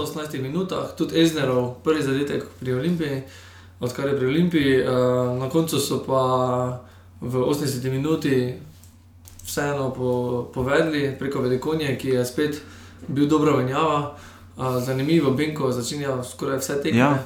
In, uh, in mislim, pričakoval bi, da igra z vsemi tremi. No. To sem jaz pričakoval, da Velikonja, Leke in Benko. Krona veter se ne znajde v tej ekipi, imamo se občutek v, več v tej poziciji. Sicer imel tam eno lepo priložnost, pa vse, ampak ne. Moj občutek je, da mu ne gre tako, kot mu je šlo lani. No? Vsekakor ni gol geta, Ja. ne gol ne dosegane. Ker je bilo pač takrat bil drugi sistem, ni bilo toliko napadalcev, zdaj so dva, oziroma trije. In igra druga igra je pač drugačna, da zabijajo zadetke eh, napadalci. Uh, zdaj pač uh, ne pride toliko za streli, ko zgleda do, do izraza. Je pa res, da je imel lani dosti iz eh, prostih strelov penalo dosegel tudi tak zadetke. ne. Um, Marko Zalo, kar sem jaz na Twitterju pred časom zapisal za njim, da je najslabši gulman v ligi. Uh, tokrat me je izrazito demantiral, ker je res dobro branil, razen pomankanja komunikacije, Klemen Šturm in Marko Zalo, kar uh, dober zapis je bil na forumu, na neuradnem forumu Maribora, uh, kjer je bilo proti nam dajo Eurogole, proti Olimpiji pa avtogole. ker je Šturm iz zelo podobne situacije, samo na drugi, na, na drugi strani dal Eurogolne uh, proti Mariboru. Uh, je tu. Uh, krško je nekaj poskušalo, ampak se je mučilo, ni to krško. Boljše ekipo, boljše individualce imajo od lani, ampak niso pa zmogli več proti Olimpiji letos. Ne. ja, zmogli so tisti en zadetek, ki je bil zelo lep. Ni bil tam offside? To pa ne. Tam je tim Čeh, sicer žoge se ni dotaknil, je pa več kot izrazito vplival na igro, če je med nogami spustil, ne bi je pa v offsajdu. Ti No, ne to me je zelo ti ne veš presenetilo. pravil. Ne, nič. Uh, ja, tisti pri 1-1. Meni saj je dal res lep gol. No. Ja, uh, zelo lep zadetek, uh, glede na to, da lani zabil za tretje ligaša. ASK, bravo, ja. Ja, uh, zdaj se je preselil v Pro Ligo, ko zgledamo pač na fiziki toliko več. Da, Ampak še vedno me, mene ne prepriča, no? moram pa povedati. Iskreno, proti Mariboru recimo, se mi je zdel, da bi lahko pokazal več, pa se ne ni znal tu pa vsekakor pokazal, ker ni, on, ni napadalec, ti pa on John Mary, Blessing Leke, Julius Vobaj, nima te kapacitete, ne? če pač omenjam njegove sokontinenčane, kakorkoli se temu reče, če si z istega kontinenta. Uh, Krško je imelo neki tak se je kazalo, ampak je Olimpija pripeljala tekmo do konca. No? Ja, seveda, ampak vseeno sem pričakoval, da bo mogoče Olimpija pri 1-0 lažje. Pripeljala ni, ja. do konca, pa ni. Podobno kot Maribor Krško, no, tako če pogledamo, ne, Maribor je tudi tam povedal, pol pa Ja, Marijo še se je bolj dolgo mučil. Ja. Uh, tukaj Olimpija v 80 minutah zadela za 2-1. Uh, vseeno pa s krškim se vidi, da imajo vsi težave. No. Da dejansko doma, mislim, ko igra Krško doma. Ko Ja. krško igra doma, imajo z vsemi težave. Um, dejstvo pa je, da vse ekipe lahko premagajo vsakega. Razen, zdaj smo videli, da je zelo težko, pa aluminij po zmagi v ljudskem vrtu zelo težko. Ostali pa se vidi, da se lahko zgodi eh, presenečenje v vsakem krogu. Ne. Krškemu bo odmor zagotovo prav prišel, ne? na zadnje so uh, Krško se je uvrstilo v četrtfinale pokala ne? in bojo pod, pod počitek potrebovali. Namreč uh, takoj v oktobru so potem uh, po, uh, po 12. krogu, 19. oktobra so že prve tekme četrtfinala pokala in naslednji teden potem povratne, tako da je spet štiritedenski, dvotedenski ritem, sreda sobota, kar bo Krško spet spravilo v zadrego in tudi na gostovanja. In, uh, tam je Krško res šipko, no? oziroma bomo pač spet vedeli, kako se bo in tudi trudarne na zadnje čaka. Čaka, da dve tekmi za Krko, ne, v četrtfinalu bomo videli, kako se bo za te ekipe iz spodnjega dela lestvice uh, obneslo, spet koliko bodo si spočili čez reprezentančni premor. Ampak preden gremo na reprezentančni torej Olimpija 2 proti 1, potem za tekme Luka Elzner je uh, vrgel uh, plastenko, ne? to je bilo posebej poročano. leteče reporter, leteče reporter Matic Fleischmann je uh, tam zelo to tudi vprašal, Luka Elzner, kar se mi je zdelo ok. No? Um, In potem še zadnja tekma, uh, kazalo je po polčasu, uh, nič proti dve, da bo Gorica zlahka uh, na, nadzorovala račun tekme proti radu, zadnjim radomljam. Uh, in izjava uh, Matit, uh, Mirana Srebrniča, da se še ni zgodilo, da bi neposredna izjava, nisem še doživel tekme, ker bi zadnjih 15 minut mirno sedel do konca. ker je bilo res pestra tekma, drama, tri je penali, uh, dva gola radomlja. Uh, res lep zadetek je dosegel Kristjan uh, Šipek, um, številka 11, uh, ko je tam res solo akcijo sam preigral in žogo spravil za tokrat ne pretirano prepričljivega Grega, Grega Sorčana in so potem. Um, Radomljani je dali vse v napad, pri 2 proti 3, in potem je Anželkovič z eno najbolj požrtvovalnih rok, sicer res se je vrgel pod vlakne, uh, žogo preusmeril, ampak uh, so goričani zadeli vse 13 metrov, ki je dve zadev, Burgič, tretjo pa. Uh, tretjo pa Kapič. Tretjo pa Rifet Kapič. Uh, spet smo videli naši sodniki, Andrej Žnidaršič, ki se je bolj obadal s tem, da ne bo kdo tekel not, kot pa, kot pa to, ki je Golman. Jaz bi rad opozoril sodnike slovenske, dosti bolj pomembno je, kje Golman stoji na črti, kot pa to, kdo bo not leto. Ne. Namreč tiste prva, pa tiste sekundarije. In uh, to mislim, da naši sodniki zelo na robe delajo. Ker zanimivo je, Klaudijo Bravo, ono je, ko je Brano penal uh, v, v namreč tudi ne vem, se strašno po liniji gibajo, kar je dovoljeno. Ne. Ampak dosti krat pa vidimo, da Golmani pa preskočijo pri penalu, kar, kar, kar je problem, zaprejo pod žogi in imajo večje možnosti, s tem se naši sodniki ne obadajo, naši sodniki se jebejo v glavo, one tam, ki pač čakajo na morebitni odbitek, pardon za spodletelo francoščino. Ja, so bili trije. Penali, pa vsi trije so bili, ne, dobro, to je že nekaj dobro. Penali, pa trije na strani, vse tri na Gorici, tri Gorice imela 3-0, pa v treh minutah jih 3-0 na 3-2. Ja. Uh, na koncu je Kapič. Uh, Nekako mirno ja. poskrbel, da je Milan Srebrenic ni, ni zaživel infarkt, ta gorica se dobro drži. Ne. Uh, Gorica na tretjem mestu. Če bi ne, malo verjetno bo žalovali za tekme s Koprom, za tekmo s Koprom, ne med tednom, da niso zmagali. Ne. Ker bi potem bili. Podobna situacija kot lani, ko so Marijo Olimpijo bila prvi, drugi in ona dva, prva dva zasledovalca, enako toliko, da so se borili za tretje mesto, tako se je zdaj enako za. Mestu. Zavrč, manjka, ne imamo še zavrča. Nekaj časa je kazalo, da bo Koper, poleg, najprej kazalo, da bo celje, poleg kazalo, da bo Koper, zdaj kaže, da bo rudarne. Ja, tukaj se tukaj sta na 20 točkah, oba, uh, za njimi pa so, ja.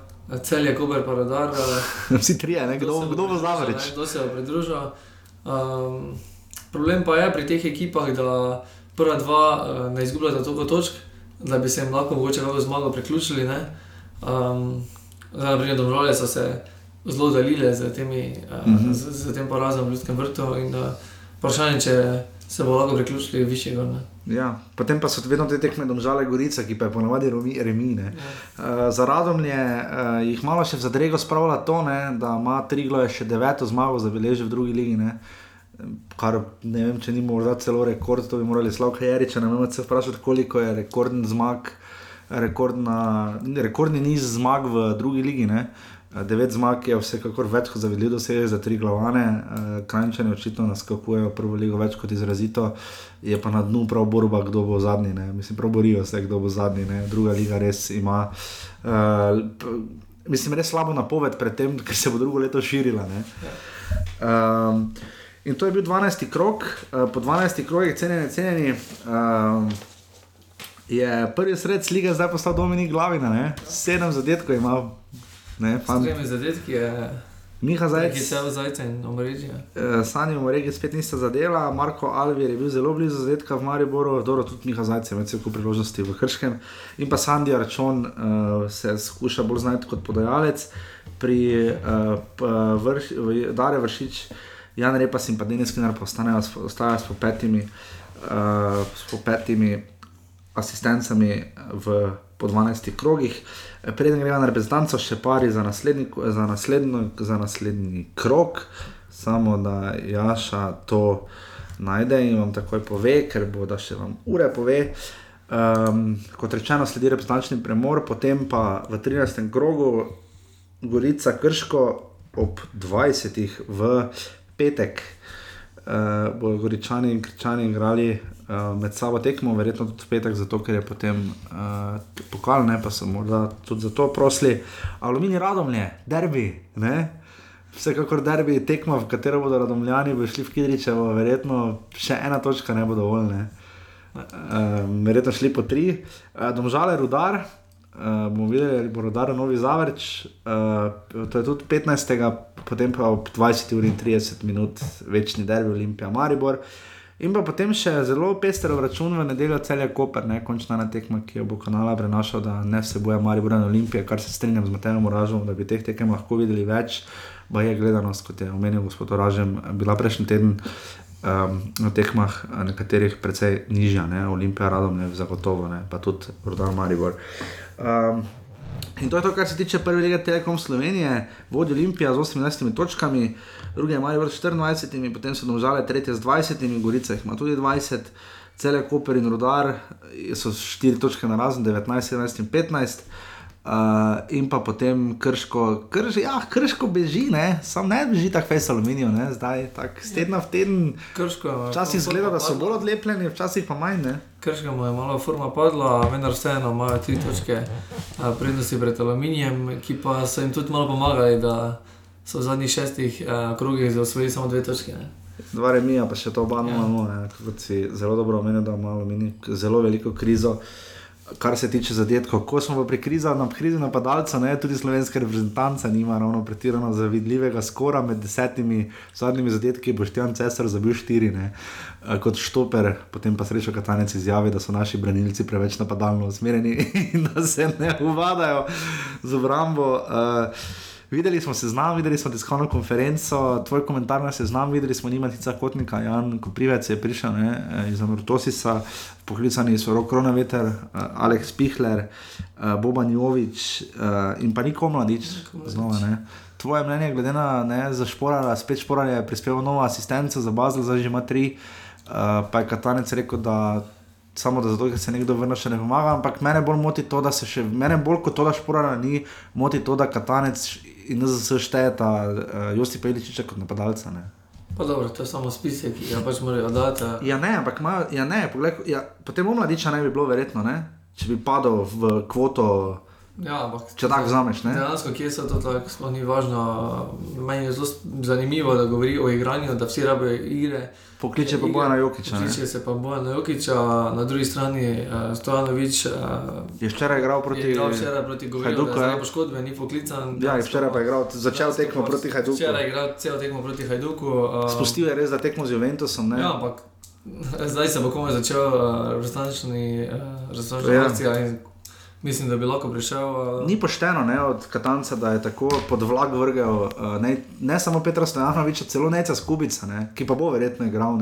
Če že da preveč napadalno igrajo, da je, je, je kak pa ne. Mislim, ne, ne, ne kak, kak razumeš ti to. Um, Pa gremo na tiskovno konferenco, ki je bila zajedljiva, bi se lahko rekla. Katanec je na vsa pod vprašanja šel ena na ena z novinarji. Jaz sem gledal tiskal, bil zelo osoren je bil do njih, ne mislim pod vprašanje, zakaj ni Andrej Šporarja, je ni kaj, ne mislim. Vsi ga ne napadajo osebno, pa sprašujejo, ga imajo legitimna vprašanja, zakaj je potem poklican Bojan Jokič, ne? Kako je to tvoje mnenje pri Katančevih obrazložitvah, zakaj ta vojna, zakaj imamo občutek, da Slovenija gre že vnaprej 1-0 minus vsako tekmo, ne, zaradi skovke, ne? Pa jaz mislim, da še že tukaj vprašanje zlomila, primerjavi z nekimi bolj razvitimi državami, ne vem, Če gledamo, kako je Anglija zdaj na tapeti pri selektorju. Ki nima, ja, zdaj Gerard Southgate, selektor. Ja. Tako da smo se mi zlomili, tako da nekaj nervoza, neka najpotrebna nervoza je, je na nekih, pri nekih vprašanjih oziroma odgovorih. A, mislim, da šporar kot tak, kot to vprašanje, mislim, da normalno, da je trenutno, glede na, pač ni poklican, glede na to, da eno leto ga ni bilo a, v nekem pogonu, skoraj no, oziroma pol leta ga ni pogonil, zdaj ko je prišel, je nekako zamenjava tudi na proti, odigral, proti Arsenalu odigral. Um, zdaj, če je to premalo, da pokazal za, za, za reprezentanta, oziroma reprezentanco je pač, ko zgleda Novakovič, pač trenutno bolj potreben za reprezentanco. Uh, možno pa je, da ga bomo, v, je pa na seznamu v 21. Ne? Zakaj ne, zakaj tu, pa zdaj bom tu šel res daleč, ne? ampak recimo, zakaj je dobro klinar je desni, ki bi lahko igral tudi bočnega, ne? recimo, gledamo z ligo, ne? glede na to, da bo Njokič nič nogometa ne igra, ne? da tu bo Vanjovič, celo Erik Janža bi že zdaj lahko bil počasni kandidat, ne? če tako gledamo, glede na to, da bo, da bo Njokič ne igra, ne? ne vem, tukaj pač. Uh, in da smo dobili en gol z leve v, na Litvi, ne? Ne, eh, enostavno mogoče pa čaka, da si bo eh, Jukič eh, nekako po zimi eh, našel neko. Ja, ampak ene čaka, druge ne, ne, to je ta, dvo, to so dvojna merila. Noče ne. ga, noče ga, gleda. Eh, Ampak še bolj mene, še bolj, še bolj me je uh, začudila, milo rečeno. Ena druga izjava, ne, ko je Katanec izjavil, da, more, da ima samo štiri treninge, da igralcem z glave zbije nekatere ideje. Ne. On ima Golmana, ki je branil v finalu lige prvakov. Ima Kevina Kampla, ki je blestev proti Borusiji Dortmund, ki je med tednom remisirala z Realom, Bayer Leverkusen z 2 proti nič premaga, uh, premaga Borusijo. Kijevo, Kijevo, Verona se odlično drži v italijanski ligi, kjer Boštjan Cesar in Walter Virse igrata praktično vse tekme. Ne. Berič zabija za sebe. Berič zabija za Santetien, uh, mislim. Kaj izbiti, kaj iz glave, da so dobri, da znajo, da, da obvladajo futbol, da so dobri v tem, kar počnejo. Kaj bi jim rad izbil iz glave, ne razumem. Meni tudi ni jasno, ampak uh, vseeno pa je res, da štiri treningi so malo. Vredno, ampak kaj Anglija jih ima pa 16, kaj? Slovaška jih ima kaj dva meseca, ne, ne, se so vsi na istem. Ne? Se danes grejo tako, se naši ne pridejo na brdo s šestdnevnim zamikom. Ne? Ja, šal digaj. digaj, ampak uh, preden bo Klemen predstavil tokratno uh, še taktiko pred koncem, oziroma svojo zelo poglobljeno analizo. Um, pred reprezentančnimi tekmami, kot rečeno, 8. igramo z. Igra slovenska reprezentanca z, v soboto, igra reprezentanca z uh, Slovaško, potem pa še 11. v ponedeljek. Z Angleži, obe tekmi sta v Stožicah, offset v živo tam ne bo, iz predvsem teh razlogov, ker se meni ne zdi higienično, da se nekdo razlaga, katanec razlaga, pričakujte trpljenja, če ne bomo dali z prve gol, ga tako ali tako ne bomo dali, fajn bi bilo, če šest Angležov ne bi bilo. Ne? In potem vmes Matjaš Krajnik razlaga, da so karte samo še jutri, pa cenejše, park, parkirna hiša bo zaprta, ono, ovo, tretje, deveto. Ne? Nijem komentarja. Sidekick, Batman, Robin. Ne, nisem gledal konference, da ti ne morem odgovoriti. no, ampak se znam, uh, ključno pač vidimo. Bomo videli, no se znam, nič, nič ni za grozno, nimamo jele, nič primera, ne, nič ni groznega, tako da bi zdaj skočili na zrak. Mislim, da so vsi najboljši tukaj, kateri pa igrali, dobenega se ni spustilo. Um, tudi če bi bil stvarno več poklican, mislim, da ne igra. Stajano več šporov sta tu trenutno Tako pač da najbolj. Tudi ne bi igrala, po mojem mnenju. Tako da vsake mera bi skupaj dobil priložnost. Uh, tukaj, zdaj kot na treningu, na štirih treningih, bo prav videti uh, Bobana Joviča. Kaj mora narediti Andraš Kirm, da postane Milivoj Novakovič?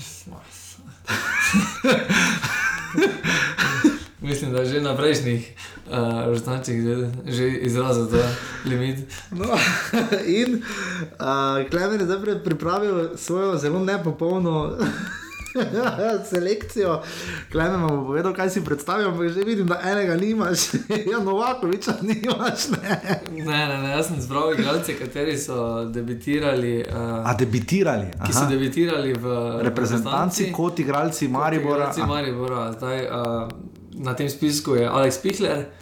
Um, imam občutek, da pač ta, vse skupaj sem jaz, naj, naj, pač delal sem peš, da mene pomoči ni bilo, našel sem 32 igralcev, ki so po mojem mnenju pač spadali pod ta kriterij. Um, mislim, da prejšnje generacije, od, pod pri- prašnikarjem, tako kot reprezentančnim selektorom, kot eh, trenerjem Maribora, so vsi imeli več uh, nastopov. Zdaj, trenutna situacija je pa zelo drugačna, ki imajo vsi pod, uh, pod en ali pa 2, 3, 4 do 5 nastopov, razen Aleš Mertel izstopa. In ima uh, 15 nastopov, Za ostali- reprezentanco. Ja, vsi, eh, vsi ostali so, so malo občutek, da so bili samo poklicani kot uh, neka nagrada za, za te zaporedne vrstitve v Ligo Evropo. uh, Ligo Prvako, niso pa dejansko. Vsi razen Igorja Pozniča. Kje si Igorja Pozniča, legenda Maribora? Ja, ja, Ja, pa- okay. To Nisem vedel, da je on bil razvezancev, poklical tega pa res nisem vedel. Uh, tukaj, na primer, so med njimi Marinko Galič, ki ima 66 nastopov, Galič 64, uh, Vukdolič 27, Cipot 26. Mm -hmm. Tukaj so nekateri, ki so imeli zelo dosti, uh, Filikovič 14, uh, Gajser 11, um, Damjan Gajser. Ja. Uh, tukaj pač pod to novo generacijo pa številka zelo majhna. Ne? Naprimer, Ja. največ, je, največ ima seveda uh, 15, ima Aleš Mertel, potem uh, Bačinovič Armin 13. Uh, Handanovič. Handanovič, eh, Tudi Mejač, pet, ne? Uh, Mejač ima pet, uh, Milec ima štiri, Filipovič Stojanovič. štiri, Civjanovič štiri, Stojanovič štiri, ki ga zdaj ni poklicanega. Uh, Velikonja so tri, Mihelič tri, Vrhovec Ki je tri. tako ali tako bil bolj. Ja, Ja, Erik Janža, ena, Rajčevič, en nastop uh, in Bohar, en nastop. In dejansko so ti igralci bili poklicani. So, so Govorijo o korelaciji Maribora, Ja, in, uh, in dejansko potem so izpadli iz tega. In, Ja, in eh, tudi zdaj za Pihlerja, ne, ja, se je in že videlo proti domžalam, Pihler ni Ja. imel dobre tekme in je imel Ja. v bistvu vrhovec boljšo. Ne, Ja, in- in dejansko ti igralci trenutno niso niti blizu reprezentante. Uh, včasih so bili, mogoče so bili samo poklicani z nekim razlogom, da se pač nagradi, da dejansko mogoče tudi javnost je enostavno mogoče tiho, pa rečejo, saj pa ima Maribor 3, 4, 5 reprezentantov, dejansko pa se Trenutno jih, ima dva, ne. dejansko, dejansko pa se jih na njih resno ne računa. Ne, pokliče se jih pokliče zaradi- se jih. Primerjavi, kar sem prej razložil, ne vem, Galič 66 nastopov, Karič je bil levi bočni Maribora, bil je levi bočni na svetovnem prvenstvu, Evropskem prvenstvu. Dansko so se igralci, kjer so bili standardni Maribora, igrali Ligo Prvakov, so dansko bili enako standardni reprezentanci in so se tudi na podlagi tega prodali drugam. Če vidimo nas je Čeh, uh, naprimer, kako kariero naredil kasneje, ne, in uh, na koncu koncev je kar nekaj igralcev, kateri so naredili kariero, potem pa ne. ti igralci, Aleš so Mejač, recimo, je Ja, takih brutalnejših Ja, primerov. ne. dejansko pa ti igralci nove generacije so pa bili poklicani, dejansko pa več kot pet nastopov je, malo kdo ustvaril. večjih predstopov ni bilo, oziroma Ja, ja, korelacija Liga Bačinovič- prvakov, recimo če zdaj ima generacijo Lige prvakov, kjer je Maribor se hvalil ja. s tem, da je bilo koliko osem slovencev v ekipi ali devet, ne.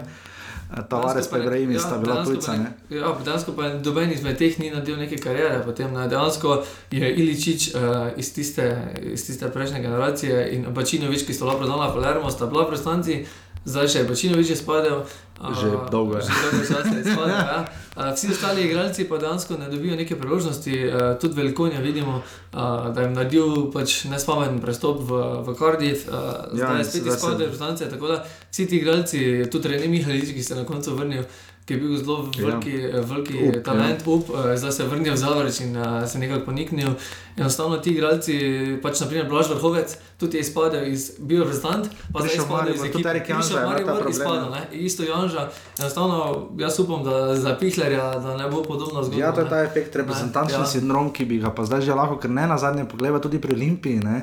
Zajca se še ni dotaknil, se je pa rahlo krona vetra. Ne. Ja. Krona vetra je v Velenju, se prav spomnim, ko Olimpija postala prvak, rekel, da zdaj bi bil pa že skrajni čas, ne, da se rektor to zbira, ampak da pač malo ga je okrcal in ga je poklical. Veter In... bi lahko bil že ne samo kot član Olimpije, ampak že prej bi lahko bil. Že kot reprezentant pa ni bil, ne, ni, ni edini. Ne, in tudi, če gledamo ne, nadaljni efekt, najbolj sveži, ne, kdo brani za celje, brani Rožman, brani Rozman, ne, ne brani Kotnik, Kotnik je na klopi ne, je bil poklican proti Litvi kot tretji golman za nagrado, ne, za, za nagrado pa sedi. Ne. Uh, in tu ni nekega efekta, ki bi re, re, korelacija je kvečemu, se strinjam, ne samo skozi Maribor, Maribor je tu zelo lep primer. Ne. Ja, ker jih je pač dosti. Ne? Ker jih je dosti, ampak tudi pri ostalih klubih se potem zdi, da uh, spomni se Rajka Rotmana, ne na zadnje, ne, takrat za nagrado Ivana Firerja. Ne, Dobro, nagrada je bila, da sta oba šla v tujino, ampak kot igralca pa nekaj, da bi jim reprezentanca bil nek puš karjerni, da bi potem res naredili Tako preboj. Delajo, ne? pokličejo. To delajo, ne? Jure Matjašič, recimo, ne, ki je zdaj šele dobil klub, zdaj šele v Domžalah, pa je igral proti Švedom, ne mislim, halo. Ne? Uh, in imamo tu res kar nekaj uh, um, vprašanj za sreča Katanca, ampak on bi to seveda vzel seveda zelo osebno. Imamo jih tudi cel kup za Matjaža Krajnika, ampak v tem ne drugič. Uh, lepo si zažarel, Klemen, tu gledam vav, kak si govoril, jakost, krš, re, lepo, lepo si se pripravil, res. Uh, Možno pa je, da so napake. tako da. Recimo, dobro, efekt je tu bil Martin Milec, recimo, ne, čeprav bi težko rekli, da reprezentanca imela efekt, bolj so me ne predstavili, seveda v Mariboru. Ne, če odštejemo tekmo Maribor Tottenham v- na White Hart Lane, ne, Gerard Bell Express. Uh, to je bil 57. offset, danes so nimalo daljši, uh, sprejeli bomo predloge Mateja Ražma, mene vedno klemen vsak ponedeljek znova navduši, da je prav in fajn to, kar počnemo in upamo, da tudi v bodoče. Uh, offset 58 bo na sporedu v ponedeljek, normalno. Uh, pol bomo pa probali vseeno narediti enega še pred derbijem, uh, ker v torek igramo z Angliži, potem pa je v soboto že derbi. Uh, Uh, vsekakor ogromno nogometa, stožice, mislim, da se bo pa zdaj res. Za me je stožice ena tako lepa priložnost. Ne? Mislim, imajo tri praktično razprodane tekme, ne? mislim, razprodane, zelo dobro obiskane, vzamem nazaj. No. Zelo dobro obiskane, tri tekme v sedmih dneh. Ne? Upam, da bodo v Ljubljani znali izkoristiti to kot nek nogometni puš, naši preko trojanski kolegi, katerim se bomo seveda več vrnili po derbiju. Ampak to bo že offside, kaj za bo, to bo že offside 60 potem. Uh, Uh, to je bilo to za tokrat, Klemen, res ti hvala, da si to pripravil. Uh, uh, ne, pa dobro je, ne, dobro je, Ermin Rakovič, pogled, Gregor Židan, ne, legenda, Aleš Križan, ne, prvi igralec, ki je šel v Premier Ligo. Ne. Uh, slovenski, uh, nek, nekdani kapetan Maribora, ki je, kapetan, ki je dvignil prvi pokal, ko je Maribor bil prvič prvak. Uh, tako da to je bil offset, Klemen, preden pospraviš, tam prosim, če odgovori. No. Ja, že grem. ja, offset sem vam če dolžen. Vidiš, offset je domžalčani vodijo, še vedno, čeprav je bil remi. Uh, ja, trener pa, trener kroga, to se pozdravlja. Domžale ima 36, offset, Maribor jih ima 30, celje in aluminij jih ima 29, Rudarjih ima 28, Gorica 25, Radon je 21, Olimpija z gol in samo 17, 16, Krško popolnoma pa je podbacil Koper za 14. Uh, igralec kroga smo dali seveda Marko Satavaresa, 401 tekma, 116, 117 gol, svakamo čast. Ne? Zanimivo je, da on je takrat prišel na Niltonov predlog, on, sploh, on, ni, on ni verjel, da bo tu ostal več kot par mesecev. Kdo pa je? Viš to, to je klemen, klemen, Floriančič, dame in gospodje, klemen, Floriančič, to je to. Zmaga.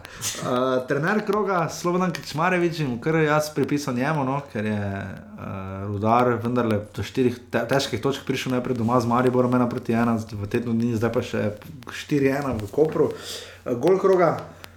Mislim, da je bil na 4-1, glavina. Dobro, ni glavina, ja, res lep Eurogol. Uh, potem menjava kroga. Mislim, da je veliko nja za, za zmago dvajna. Navijači kroga pa vsaka čas. Uh, lepo, lepo se na Hajlajci vidi, navijače so imeli, malo gledalcev je bilo v Tožalskem športnem parku na tekmi Radomne Gorica, ampak tako Radomne kot Goričani so imeli zelo glasne in zveste navijače, ki so res celo tekmo navijali in To je bistvo nogometa, to je tisto, za kar uh, vztraja tudi offset in bo tudi, upamo, da čim dlje. Hvala, da ste bili z nami tudi ta ponedeljek, uh, Klemen, če se znajdete v offsetu. Gremo na reprezentančni premor. Gremo na reprezentančni premor, ki sledi, eh, kot rečeno, offset številka 58, pa je na sporedu že v naslednji ponedeljek. Tisti, ki greste v stožice, držite pesti. Um, Vse veste, od poraza, do, od poraza do poraza, do končne zmage, je rekel malo cetunk, ne. trpljenje je. uh, tako da to je to, hvala, da ste bili z nami in adijo, servus, čau. Adijo.